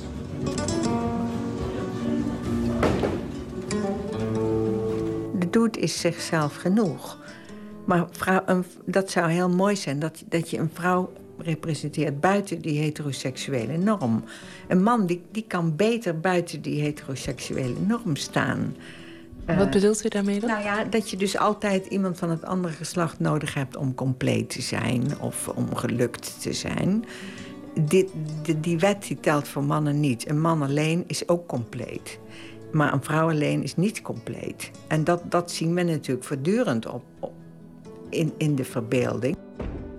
Ja, ik, vind dat vreselijk. Daar moet wat aan gebeuren. Want het is, ja, er zijn heel veel single vrouwen met wie het heel goed gaat. En, eh, in het geluksonderzoek blijkt dat met wie het het beste gaat... dat zijn de getrouwde heteroseksuele mannen. Daar gaat het heel erg goed mee. Vervolgens komen de single vrouwen. Echt? Daar gaat het heel goed mee. Eh, want die, die zijn een heleboel problemen kwijt. Dan komen de getrouwde vrouwen. Die praat het niet zo goed mee als de single vrouw. En vervolgens komt de single man. Die zit in deep shit. Eh, sociaal gesproken, hè? dus qua problemen, qua uitzichtloosheid. eh, eh, ehm, ja, dat is, dat is een statistiek die heel erg veelzeggend is. Dus die mannen moeten zich wat meer spiegelen aan de dude. Kunnen we Ja. wel concluderen. Ja. Por el camino del desierto, el viento me despeina, suelo aroma de colita, no nada, nada de labio. Ella estaba a la entrada y la campana de sonar, y me dijo ya mismo, esto puedo del cielo. Ella encende una vela y nuestra del camino, soy moza el corredor, Welcome to the Hotel California. Fucking Santana. That creep can roll, man. Al dus eh, de dude op het eind. En Nicolaou in gesprek met eh, wetenschapper Maaike Meijer. De Bali organiseerde samen met journalist Maartje Duin van het eh, Volkskrant-blog de Single Issue Partij een reeks filmavonden. Waarbij het allemaal gaat over de single. Volgende week woensdag weer zo'n avond. Meer informatie daarover via maartjeduin.nl. Muziek uit eh, Puerto Rico van eh, de muzikant Gabriel Rios. Hij eh, beloofde zijn publiek een jaar lang één song per maand af te zullen leveren. Elke derde maandag gepubliceerd op YouTube. Uiteindelijk werd dat een heel album dat nu ook langs andere kanalen verkrijgbaar is. Marauders Midnight is daarvan de titel. Het nummer dat we draaien heet Swing Low.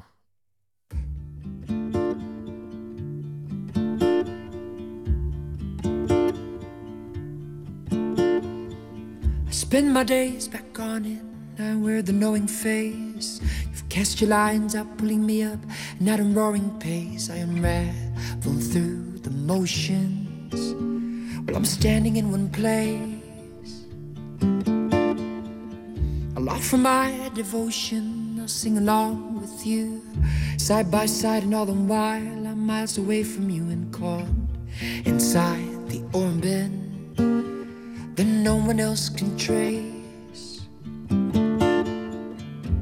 So swing your cannonball and hit upon this place.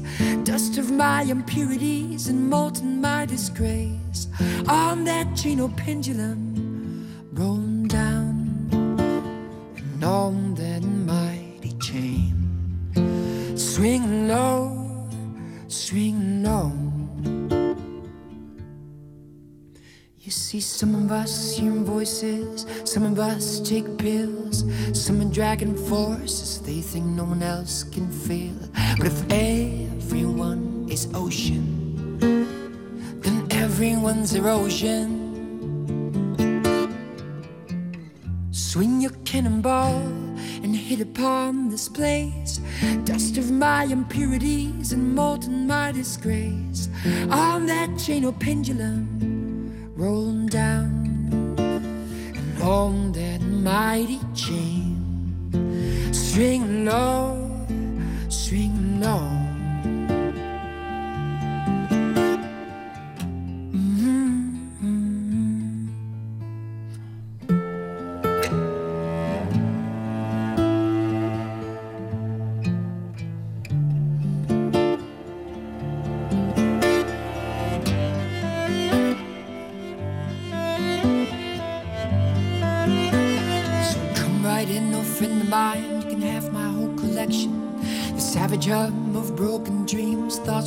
correction. The woven man inside of me behind the thinnest veil. Hands that hide behind my hands, so long and unfurling tail. Swing your cannonball and hit upon this place.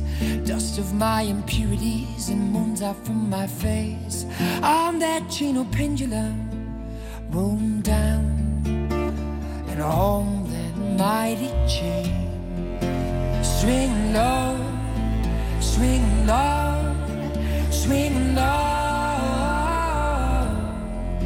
swing low, swing low, and on that mighty chain. Swing low, swing low, swing low, swing low,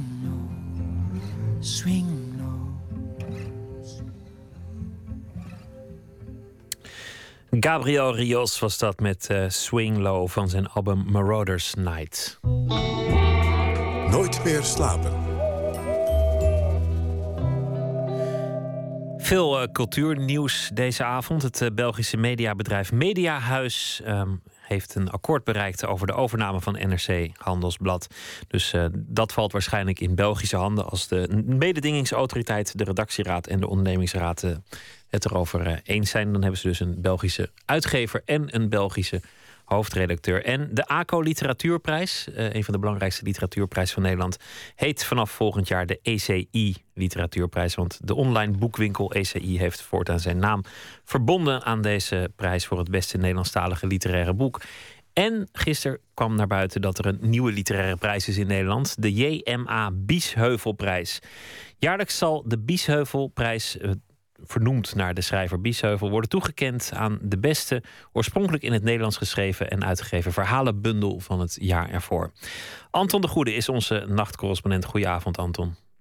Pieter, dag. Ja, nou zou je zeggen, ach, literaire prijzen, daar zijn er zoveel van. En, en je hoort ook wel eens van schrijvers die een prijs winnen waarvan ze niet eens van het bestaan ooit geweten hadden. Dus in hoeverre is dit bijzonder, de Biesheuvelprijs?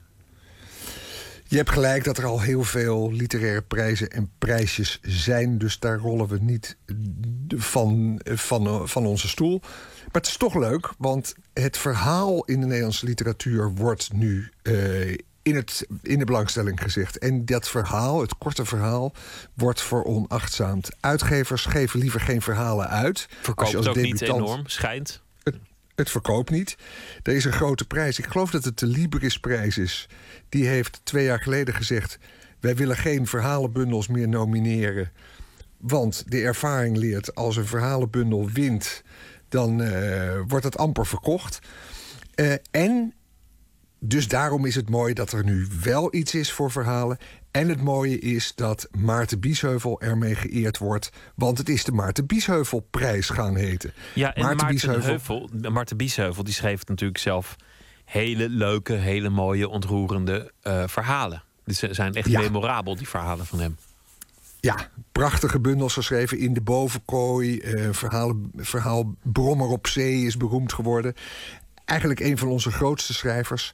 En we horen heel zelden nog iets van hem, omdat hij al decennia kampt met depressies, angsten. Uh, hij begeeft zich amper nog onder de mensen. Uh, ik heb vanmiddag bedacht, we gaan hem toch proberen te bellen. En zowaar, ik had geluk, hij was in betrekkelijk goede doen. En ik kreeg contact.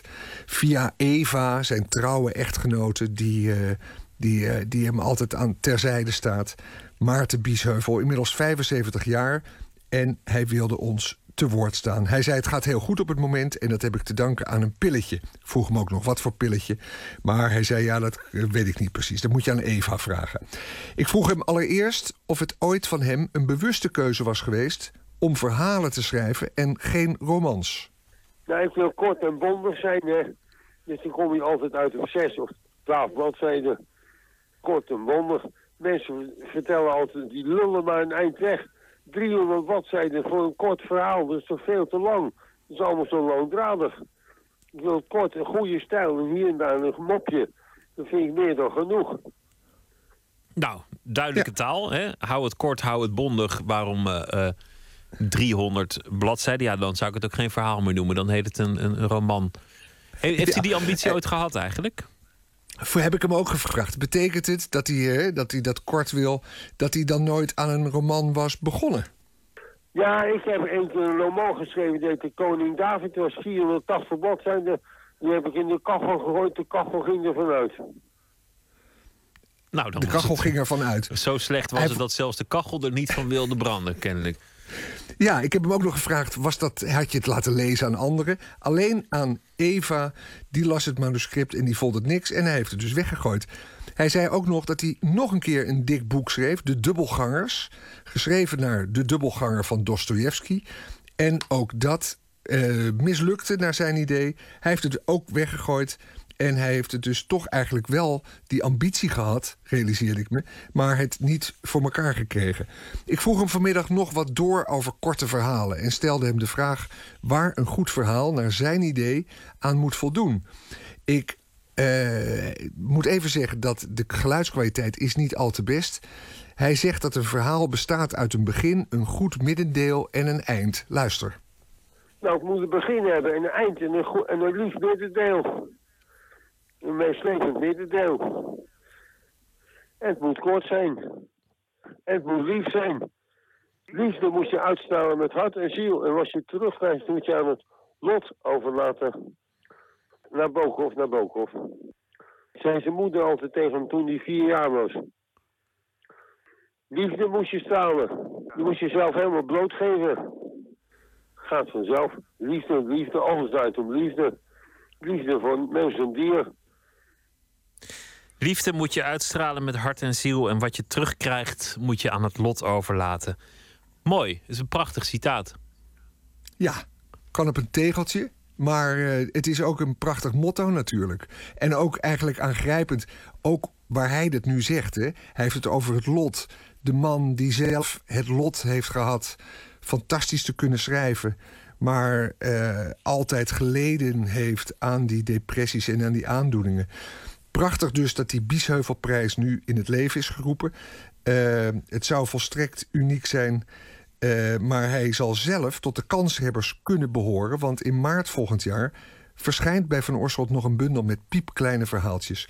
Die verhaaltjes die schrijft hij eens per kwartaal. Uh, schrijft hij die nog, publiceert hij in het Hollands Maandblad. Maar Pieter, het is ook zo dat hij eigenlijk zijn hoogtepunt wel gehad heeft. Dus hij zal die prijs niet winnen. Um, ik vroeg hem of hij misschien zelf een winnaar of winnares in gedachten had. Voor een prijs dus, voor het korte verhaal. Als hij denkt over de nu publicerende schrijvers. En tot mijn verrassing had hij een heel beslist antwoord. Hij kwam direct met één naam op de proppen. Luister maar. Frank Treur in de NRC heb ik een verhaaltje gelezen, reeds slacht.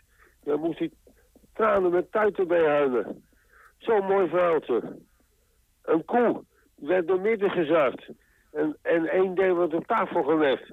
En de leven ging naar de buren. En waren de buitenlanders, ze gingen het hart heen, die gingen het hart snijden. En op plaats van zijn hele halve koe gestolen, We weten wel wie dat gedaan heeft. Zijn de buitenlanders natuurlijk. Heel ontroerend verhaaltje Atreur. Ah, dat is leuk. Ja, ik heb het, ik heb het verhaal gelezen. Ik herinner me dat, dat eh, verhaal. Dus Franka Treur die zou de, de Maarten Biesheuvel-prijs volgens Maarten Biesheuvel moeten winnen. Lijkt me een heel mooi compliment. Nou zit hij zelf niet in de jury, want er komen andere lui in. eh Arjen Fortuyn, eh, Maarten Mol, eh, Edith Vroon. Het zijn eigenlijk allemaal mensen die de afgelopen tijd hebben gedacht... we moeten iets voor het korte verhaal doen. Ik heb nog één vraag aan Biesheuvel gesteld. Ehm, namelijk wat hij eigenlijk vindt van het feit dat het boek zoveel concurrentie heeft gekregen van dramaseries op televisie. Jij had laatst een prachtig gesprek met Manon Uphoff die het had over Breaking Bad en de Sopranos. En zij zei eigenlijk, ja, de beste literatuur vindt zich nu, eh, speelt zich af op de televisie. Nou, die namen van die series die zeiden hem nu niet zoveel. Maar hij had goede herinneringen aan de serie Pride and Prejudice van Jane Austen en de Forsyte Saga. Maarten Biesheuvel. Nou, Pride and Prejudice en Forsyte Saga vond ik prachtig op de televisie. En draai nog iedere dag met Eva de soundtrack bij Pride and Prejudice van Jane Austen. Tam ta da da da dam ta da da da dam tam tam tam tam ti da da dam tam ta da da di da di da dam tam ta da da da dam ta da da da dam tam tam tam ta da da da dam ta da da da dam tam tam ta da di da dam pam pa prachtig ik dat. Nee, nee, je ziet zo'n prachtige programma's, maar die zijn vaak zo laat. Drie uur, half vier, vier uur in de nacht. Dan begint het pas mooi te worden. Over het algemeen autoreclame en al die blote benen en die blote tieten. En die meisjes en al die reclame, boterreclame en make-up en weet ik wat allemaal. Zo kaal en en leeg. Nee hoor, niks voor mij. Dus heb ik liever de tv uit. Ik heb trouwens niet eens tv in de huiskamer. Had dus Maarten eh Biesheuvel. Ehm, Anton, tot slot over de prijs. Hoeveel eh, hebben we het eigenlijk over? Ja, dat is een beetje een platte vraag, maar over hoeveel gaat het qua geld? Ehm, dat is een beetje te vraag. Ze willen nog via crowdfunding eh, een bedrag bijeen garen. En ze zijn dus nu op zoek naar namen van, van donateurs. Weten we niet precies hoe het daarmee staat. Wel is het zo dat er een soort ondergrens is van tenminste 1000 euro, maar ze willen meer. En eh, ze zijn nu op zoek, deze mensen.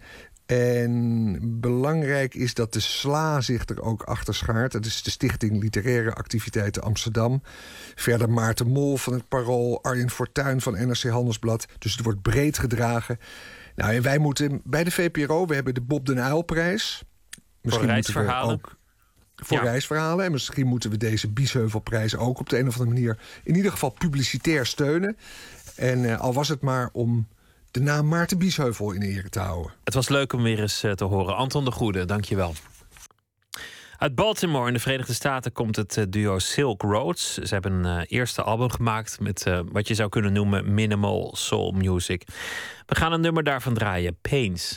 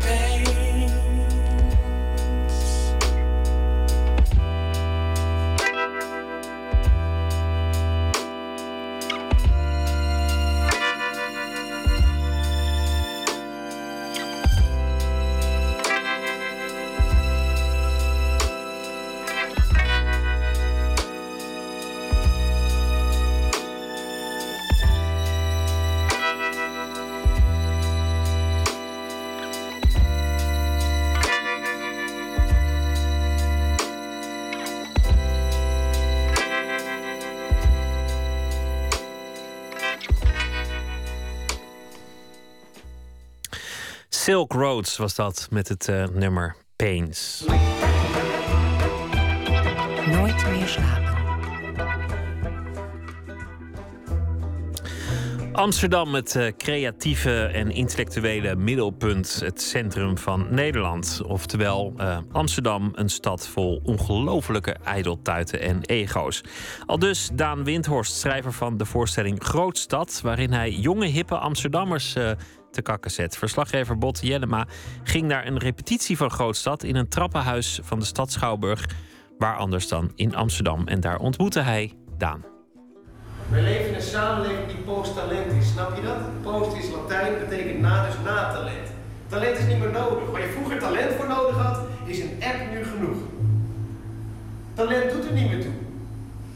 Ik bedoel, ik kan ook niet zingen, maar ik kan wel een plaat uitbrengen. Talent is totaal overbodig. Er is alleen maar aandacht en degene die slim genoeg zijn om dat te krijgen. Ja, zit je dan met je VPRO-microfoon? Ja, eh, ehm, ik, dat is wel. Dat, dat is denk ik misschien wel de kern van het stuk.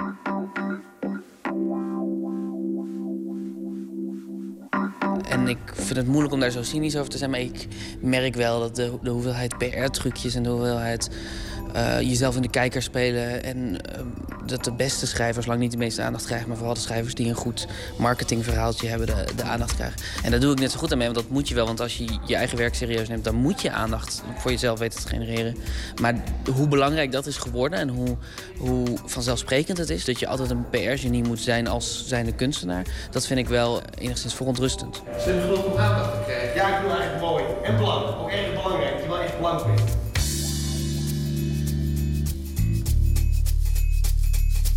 Talent is overbodig. Er is alleen maar aandacht en degene die slim genoeg zijn om dat te krijgen. Die zin wordt uitgesproken door het personage Timotheus uit het stuk Grootstad.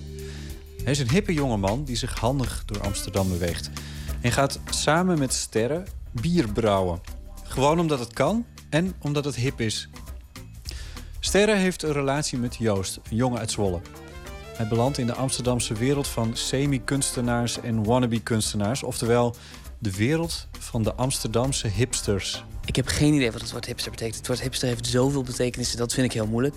En ehm, we wilden heel graag iets doen over de jonge eh, eh, culturele Amsterdammers. Over, eh, en, en vooral over de sfeer die daar heerst van erbij willen horen. En eh, op een feestje staan en kijken wie er allemaal zijn die belangrijk zijn. En er zijn een hele hoop mensen, gewoon kunstenaars in Amsterdam, die zijn helemaal niet zo. Maar Amsterdam is wel de stad waarin dat wereldje opeens bestaat. Van mensen die er, die er graag bij willen horen. Die het cool vinden om de esthetiek over te nemen en de, de houding over te nemen zonder het daadwerkelijke eh, maken of waarderen of het, zonder het inhoudelijk over te nemen. En is dat, is dat een hipstercultuur? Eh, ik denk dat dat is wat veel mensen met hipster bedoelen. Ik, ik, heb echt, ik, ik had het woord hipster eigenlijk zelf niet moeten zeggen, want het is een onmogelijk woord en het is altijd een waardeoordeel. Klinkt alsof je er bijna bang voor bent. Nou, een beetje. Ehm, het lastige aan het woord hipster is, je kan het niet objectief gebruiken. Want dat is een waardeoordeel. Iemand een hipster noemen is nooit positief. Er is niemand die zichzelf een hipster noemt. En dat maakt dat dat, maakt dat, dat een lastig woord is. Bij ons is het de, de definitie, denk ik, dat het de houding is. De- dus de houding van, ik wil een bier brouwen... maar niet de tijd nemen om je te investeren in hoe je een bier brouwt. Er zijn hele toffe nieuwe eh, bierbrouwers, die, die wil ik helemaal niet afzeiken. Maar er zijn ook een hele hoop mensen die zeggen dat ze een bier gaan brouwen... en het nooit doen. Eh, en die dus alleen maar geïnteresseerd zijn in de houding en de roem ervan... en niet in het daadwerkelijke werk erin stoppen. Sterren wil een bier brouwen. Een bier dat we sterrenvocht gaan doen. Nee, dat klinkt vies. Nou ja, misschien is het wel goed eigenlijk. Beetje vies. Vies is een markt, vies is een niche, kunnen we iets mee. Sterren wil een bier brouwen, omdat Sterren wil dat mensen haar kunnen. Haar in de mond kunnen nemen, haar door kunnen slikken. En dat die mensen haar dan kennen, haar bittere kant, haar zoete kant, haar koolzuur. Sterren wil geproefd worden.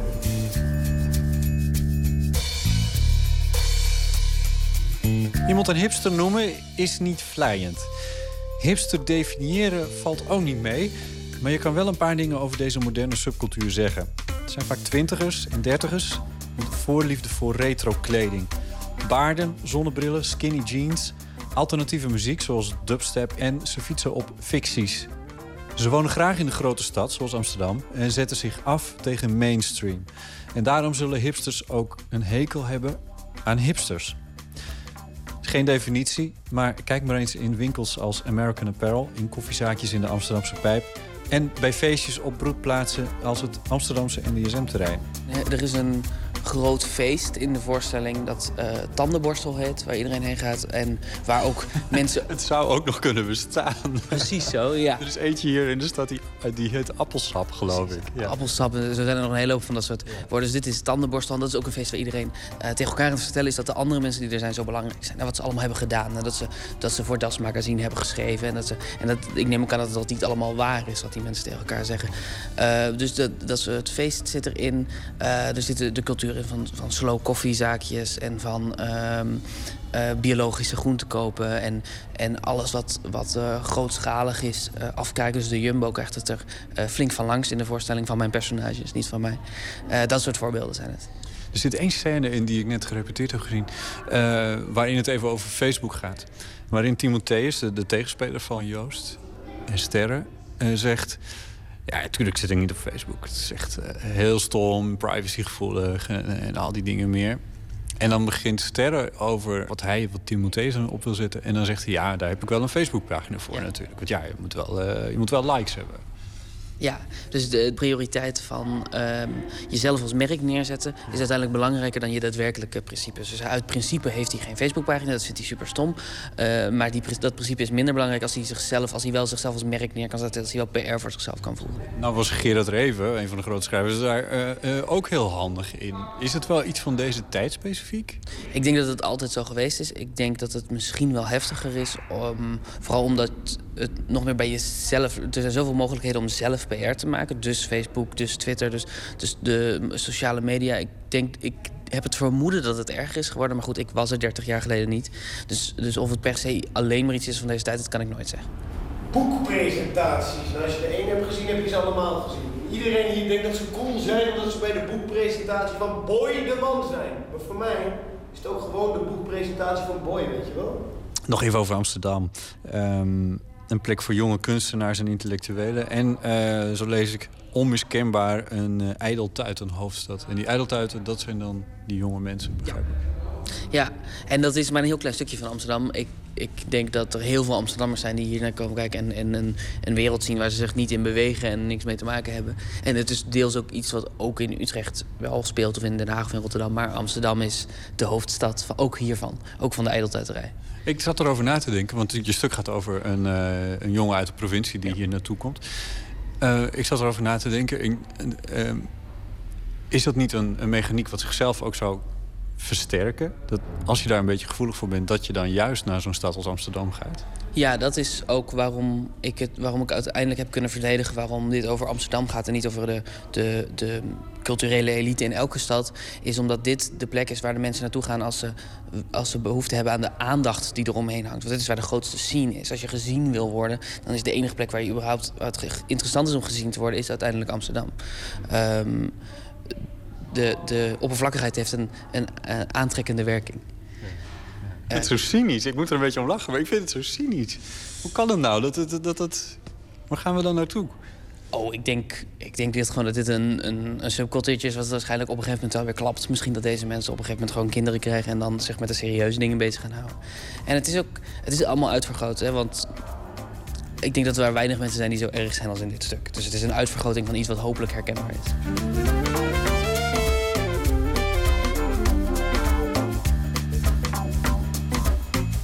Wat, wat ik zelf nog wel grappig vind, is dat na dit interview eh, heb je nog een interview ja. met de mensen van Vice. Volgens mij gaat dat interview uiteindelijk niet door. Gaat niet door? Nee, volgens mij vonden ze ons niet hip genoeg. Nou, dat ik, moest, ik, ik zat erover na te denken, want Vice is nou typisch zo'n website waar, waar de hipster dingen op staan. Of ja, ik weet niet precies hoe je dat moet zeggen, maar wat aans, heel erg aansluit bij Ja. de koffiezaakjes, de wifi-dingetjes eh, die, eh, die je probeert te benoemen. Nou ja, en op zich is de, de plek waar we dit spelen ook... Het is eh, zeker zo Café Cox en de, de SSBA-salon is ook een wereldje... waarin op die manier ehm, gekeken, zeg maar op die manier geleefd wordt. En, en, en dat was ook al de bedoeling om het een beetje van binnenuit belachelijk te maken. Eh, ik heb vorig jaar een eh, TED-talk of een TEDx-talk mogen geven... die Eva Tijk ook geregisseerd heeft. En dat was ook een manier van TED-talks belachelijk maken op dat podium. En iedereen vindt het heel leuk om belachelijk gemaakt te worden. Dus iedereen zat, zat hartelijk te lachen, gelukkig. Eh, volgens, volgens mij is dat ook leuk. Om, en het is ook deels zelfspot, want het is ook het wereldje waar we nou eenmaal in zitten. Dus het is, ook niet, het is ook geen hard, boos oordeel. Het is, het is plezierig, hopelijk. Maar ja, de mensen van Vice hadden er misschien toch wat minder zin in, dus... Of die, ja, die hadden gewoon door dat we niet zo hip waren als we ons voordeden. Ze hadden ons door.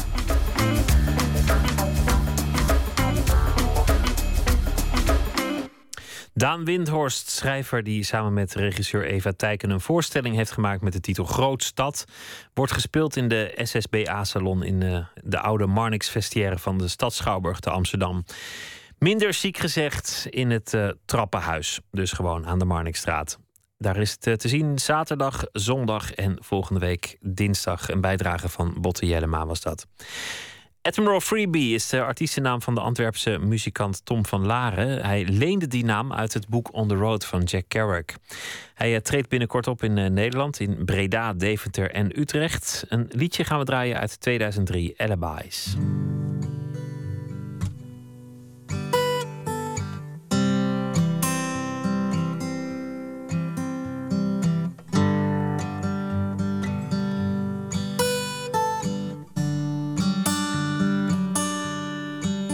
You know, Dean Rodeo was always saying what he thinks. And Sell Paradise had a narrow mind. Must I become what them gringos became? Or must I this is the life of alibis, alibis for coming late and telling lies?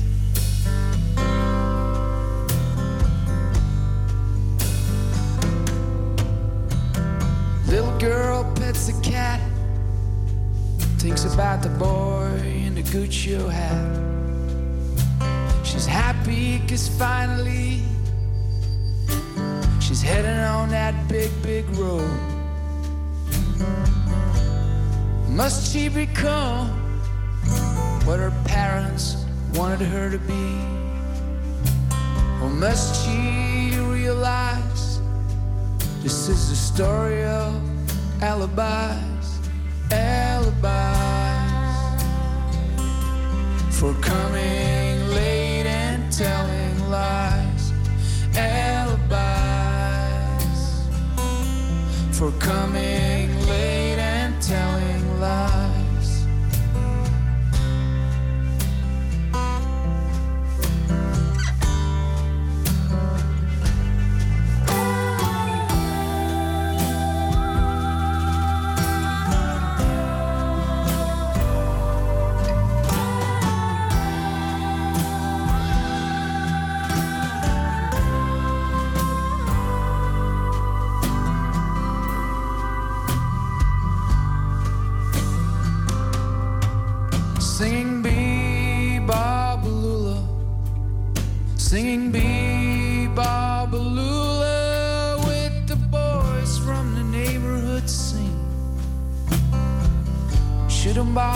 night and all. Hey, you guys, I got the same old dream. The mother comes on the shoreline, so don't waste your time on my son.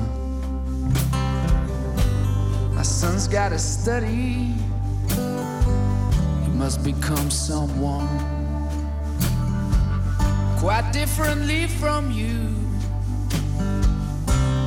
He ain't a rich bone. Said, excuse me, man. It's not exactly who I am. I'm his alibi for coming late and telling lies. He's alibi for coming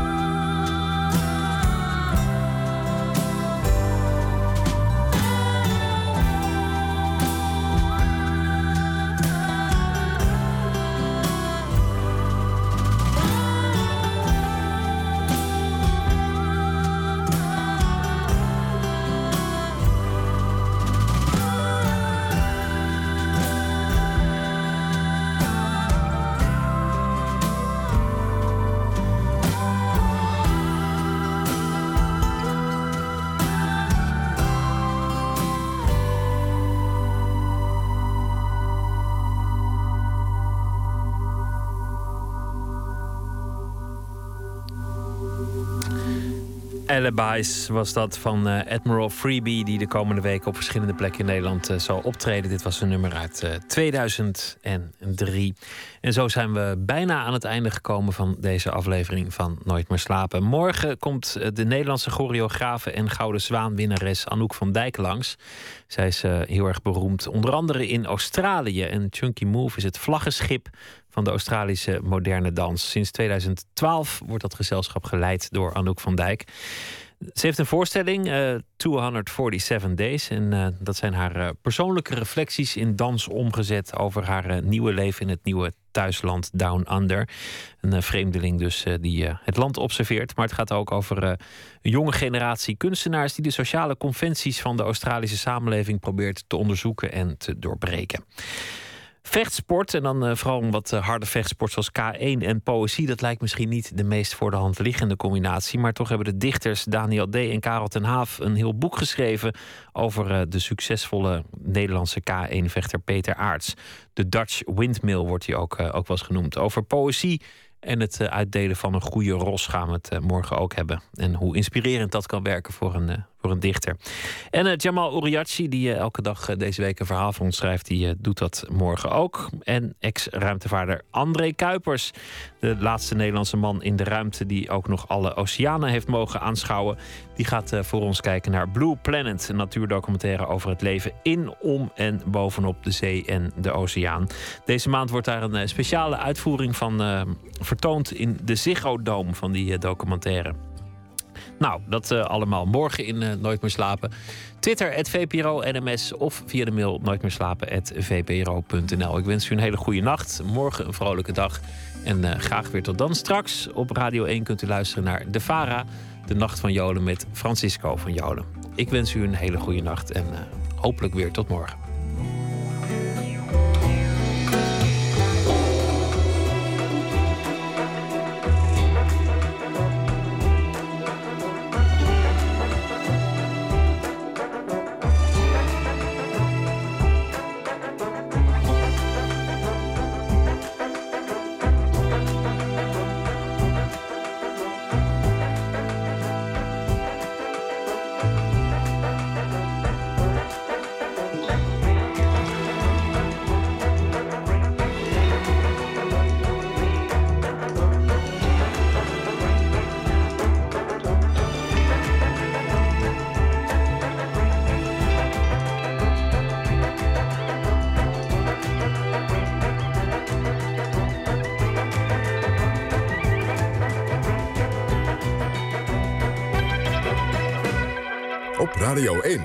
Nieuws van alle kanten.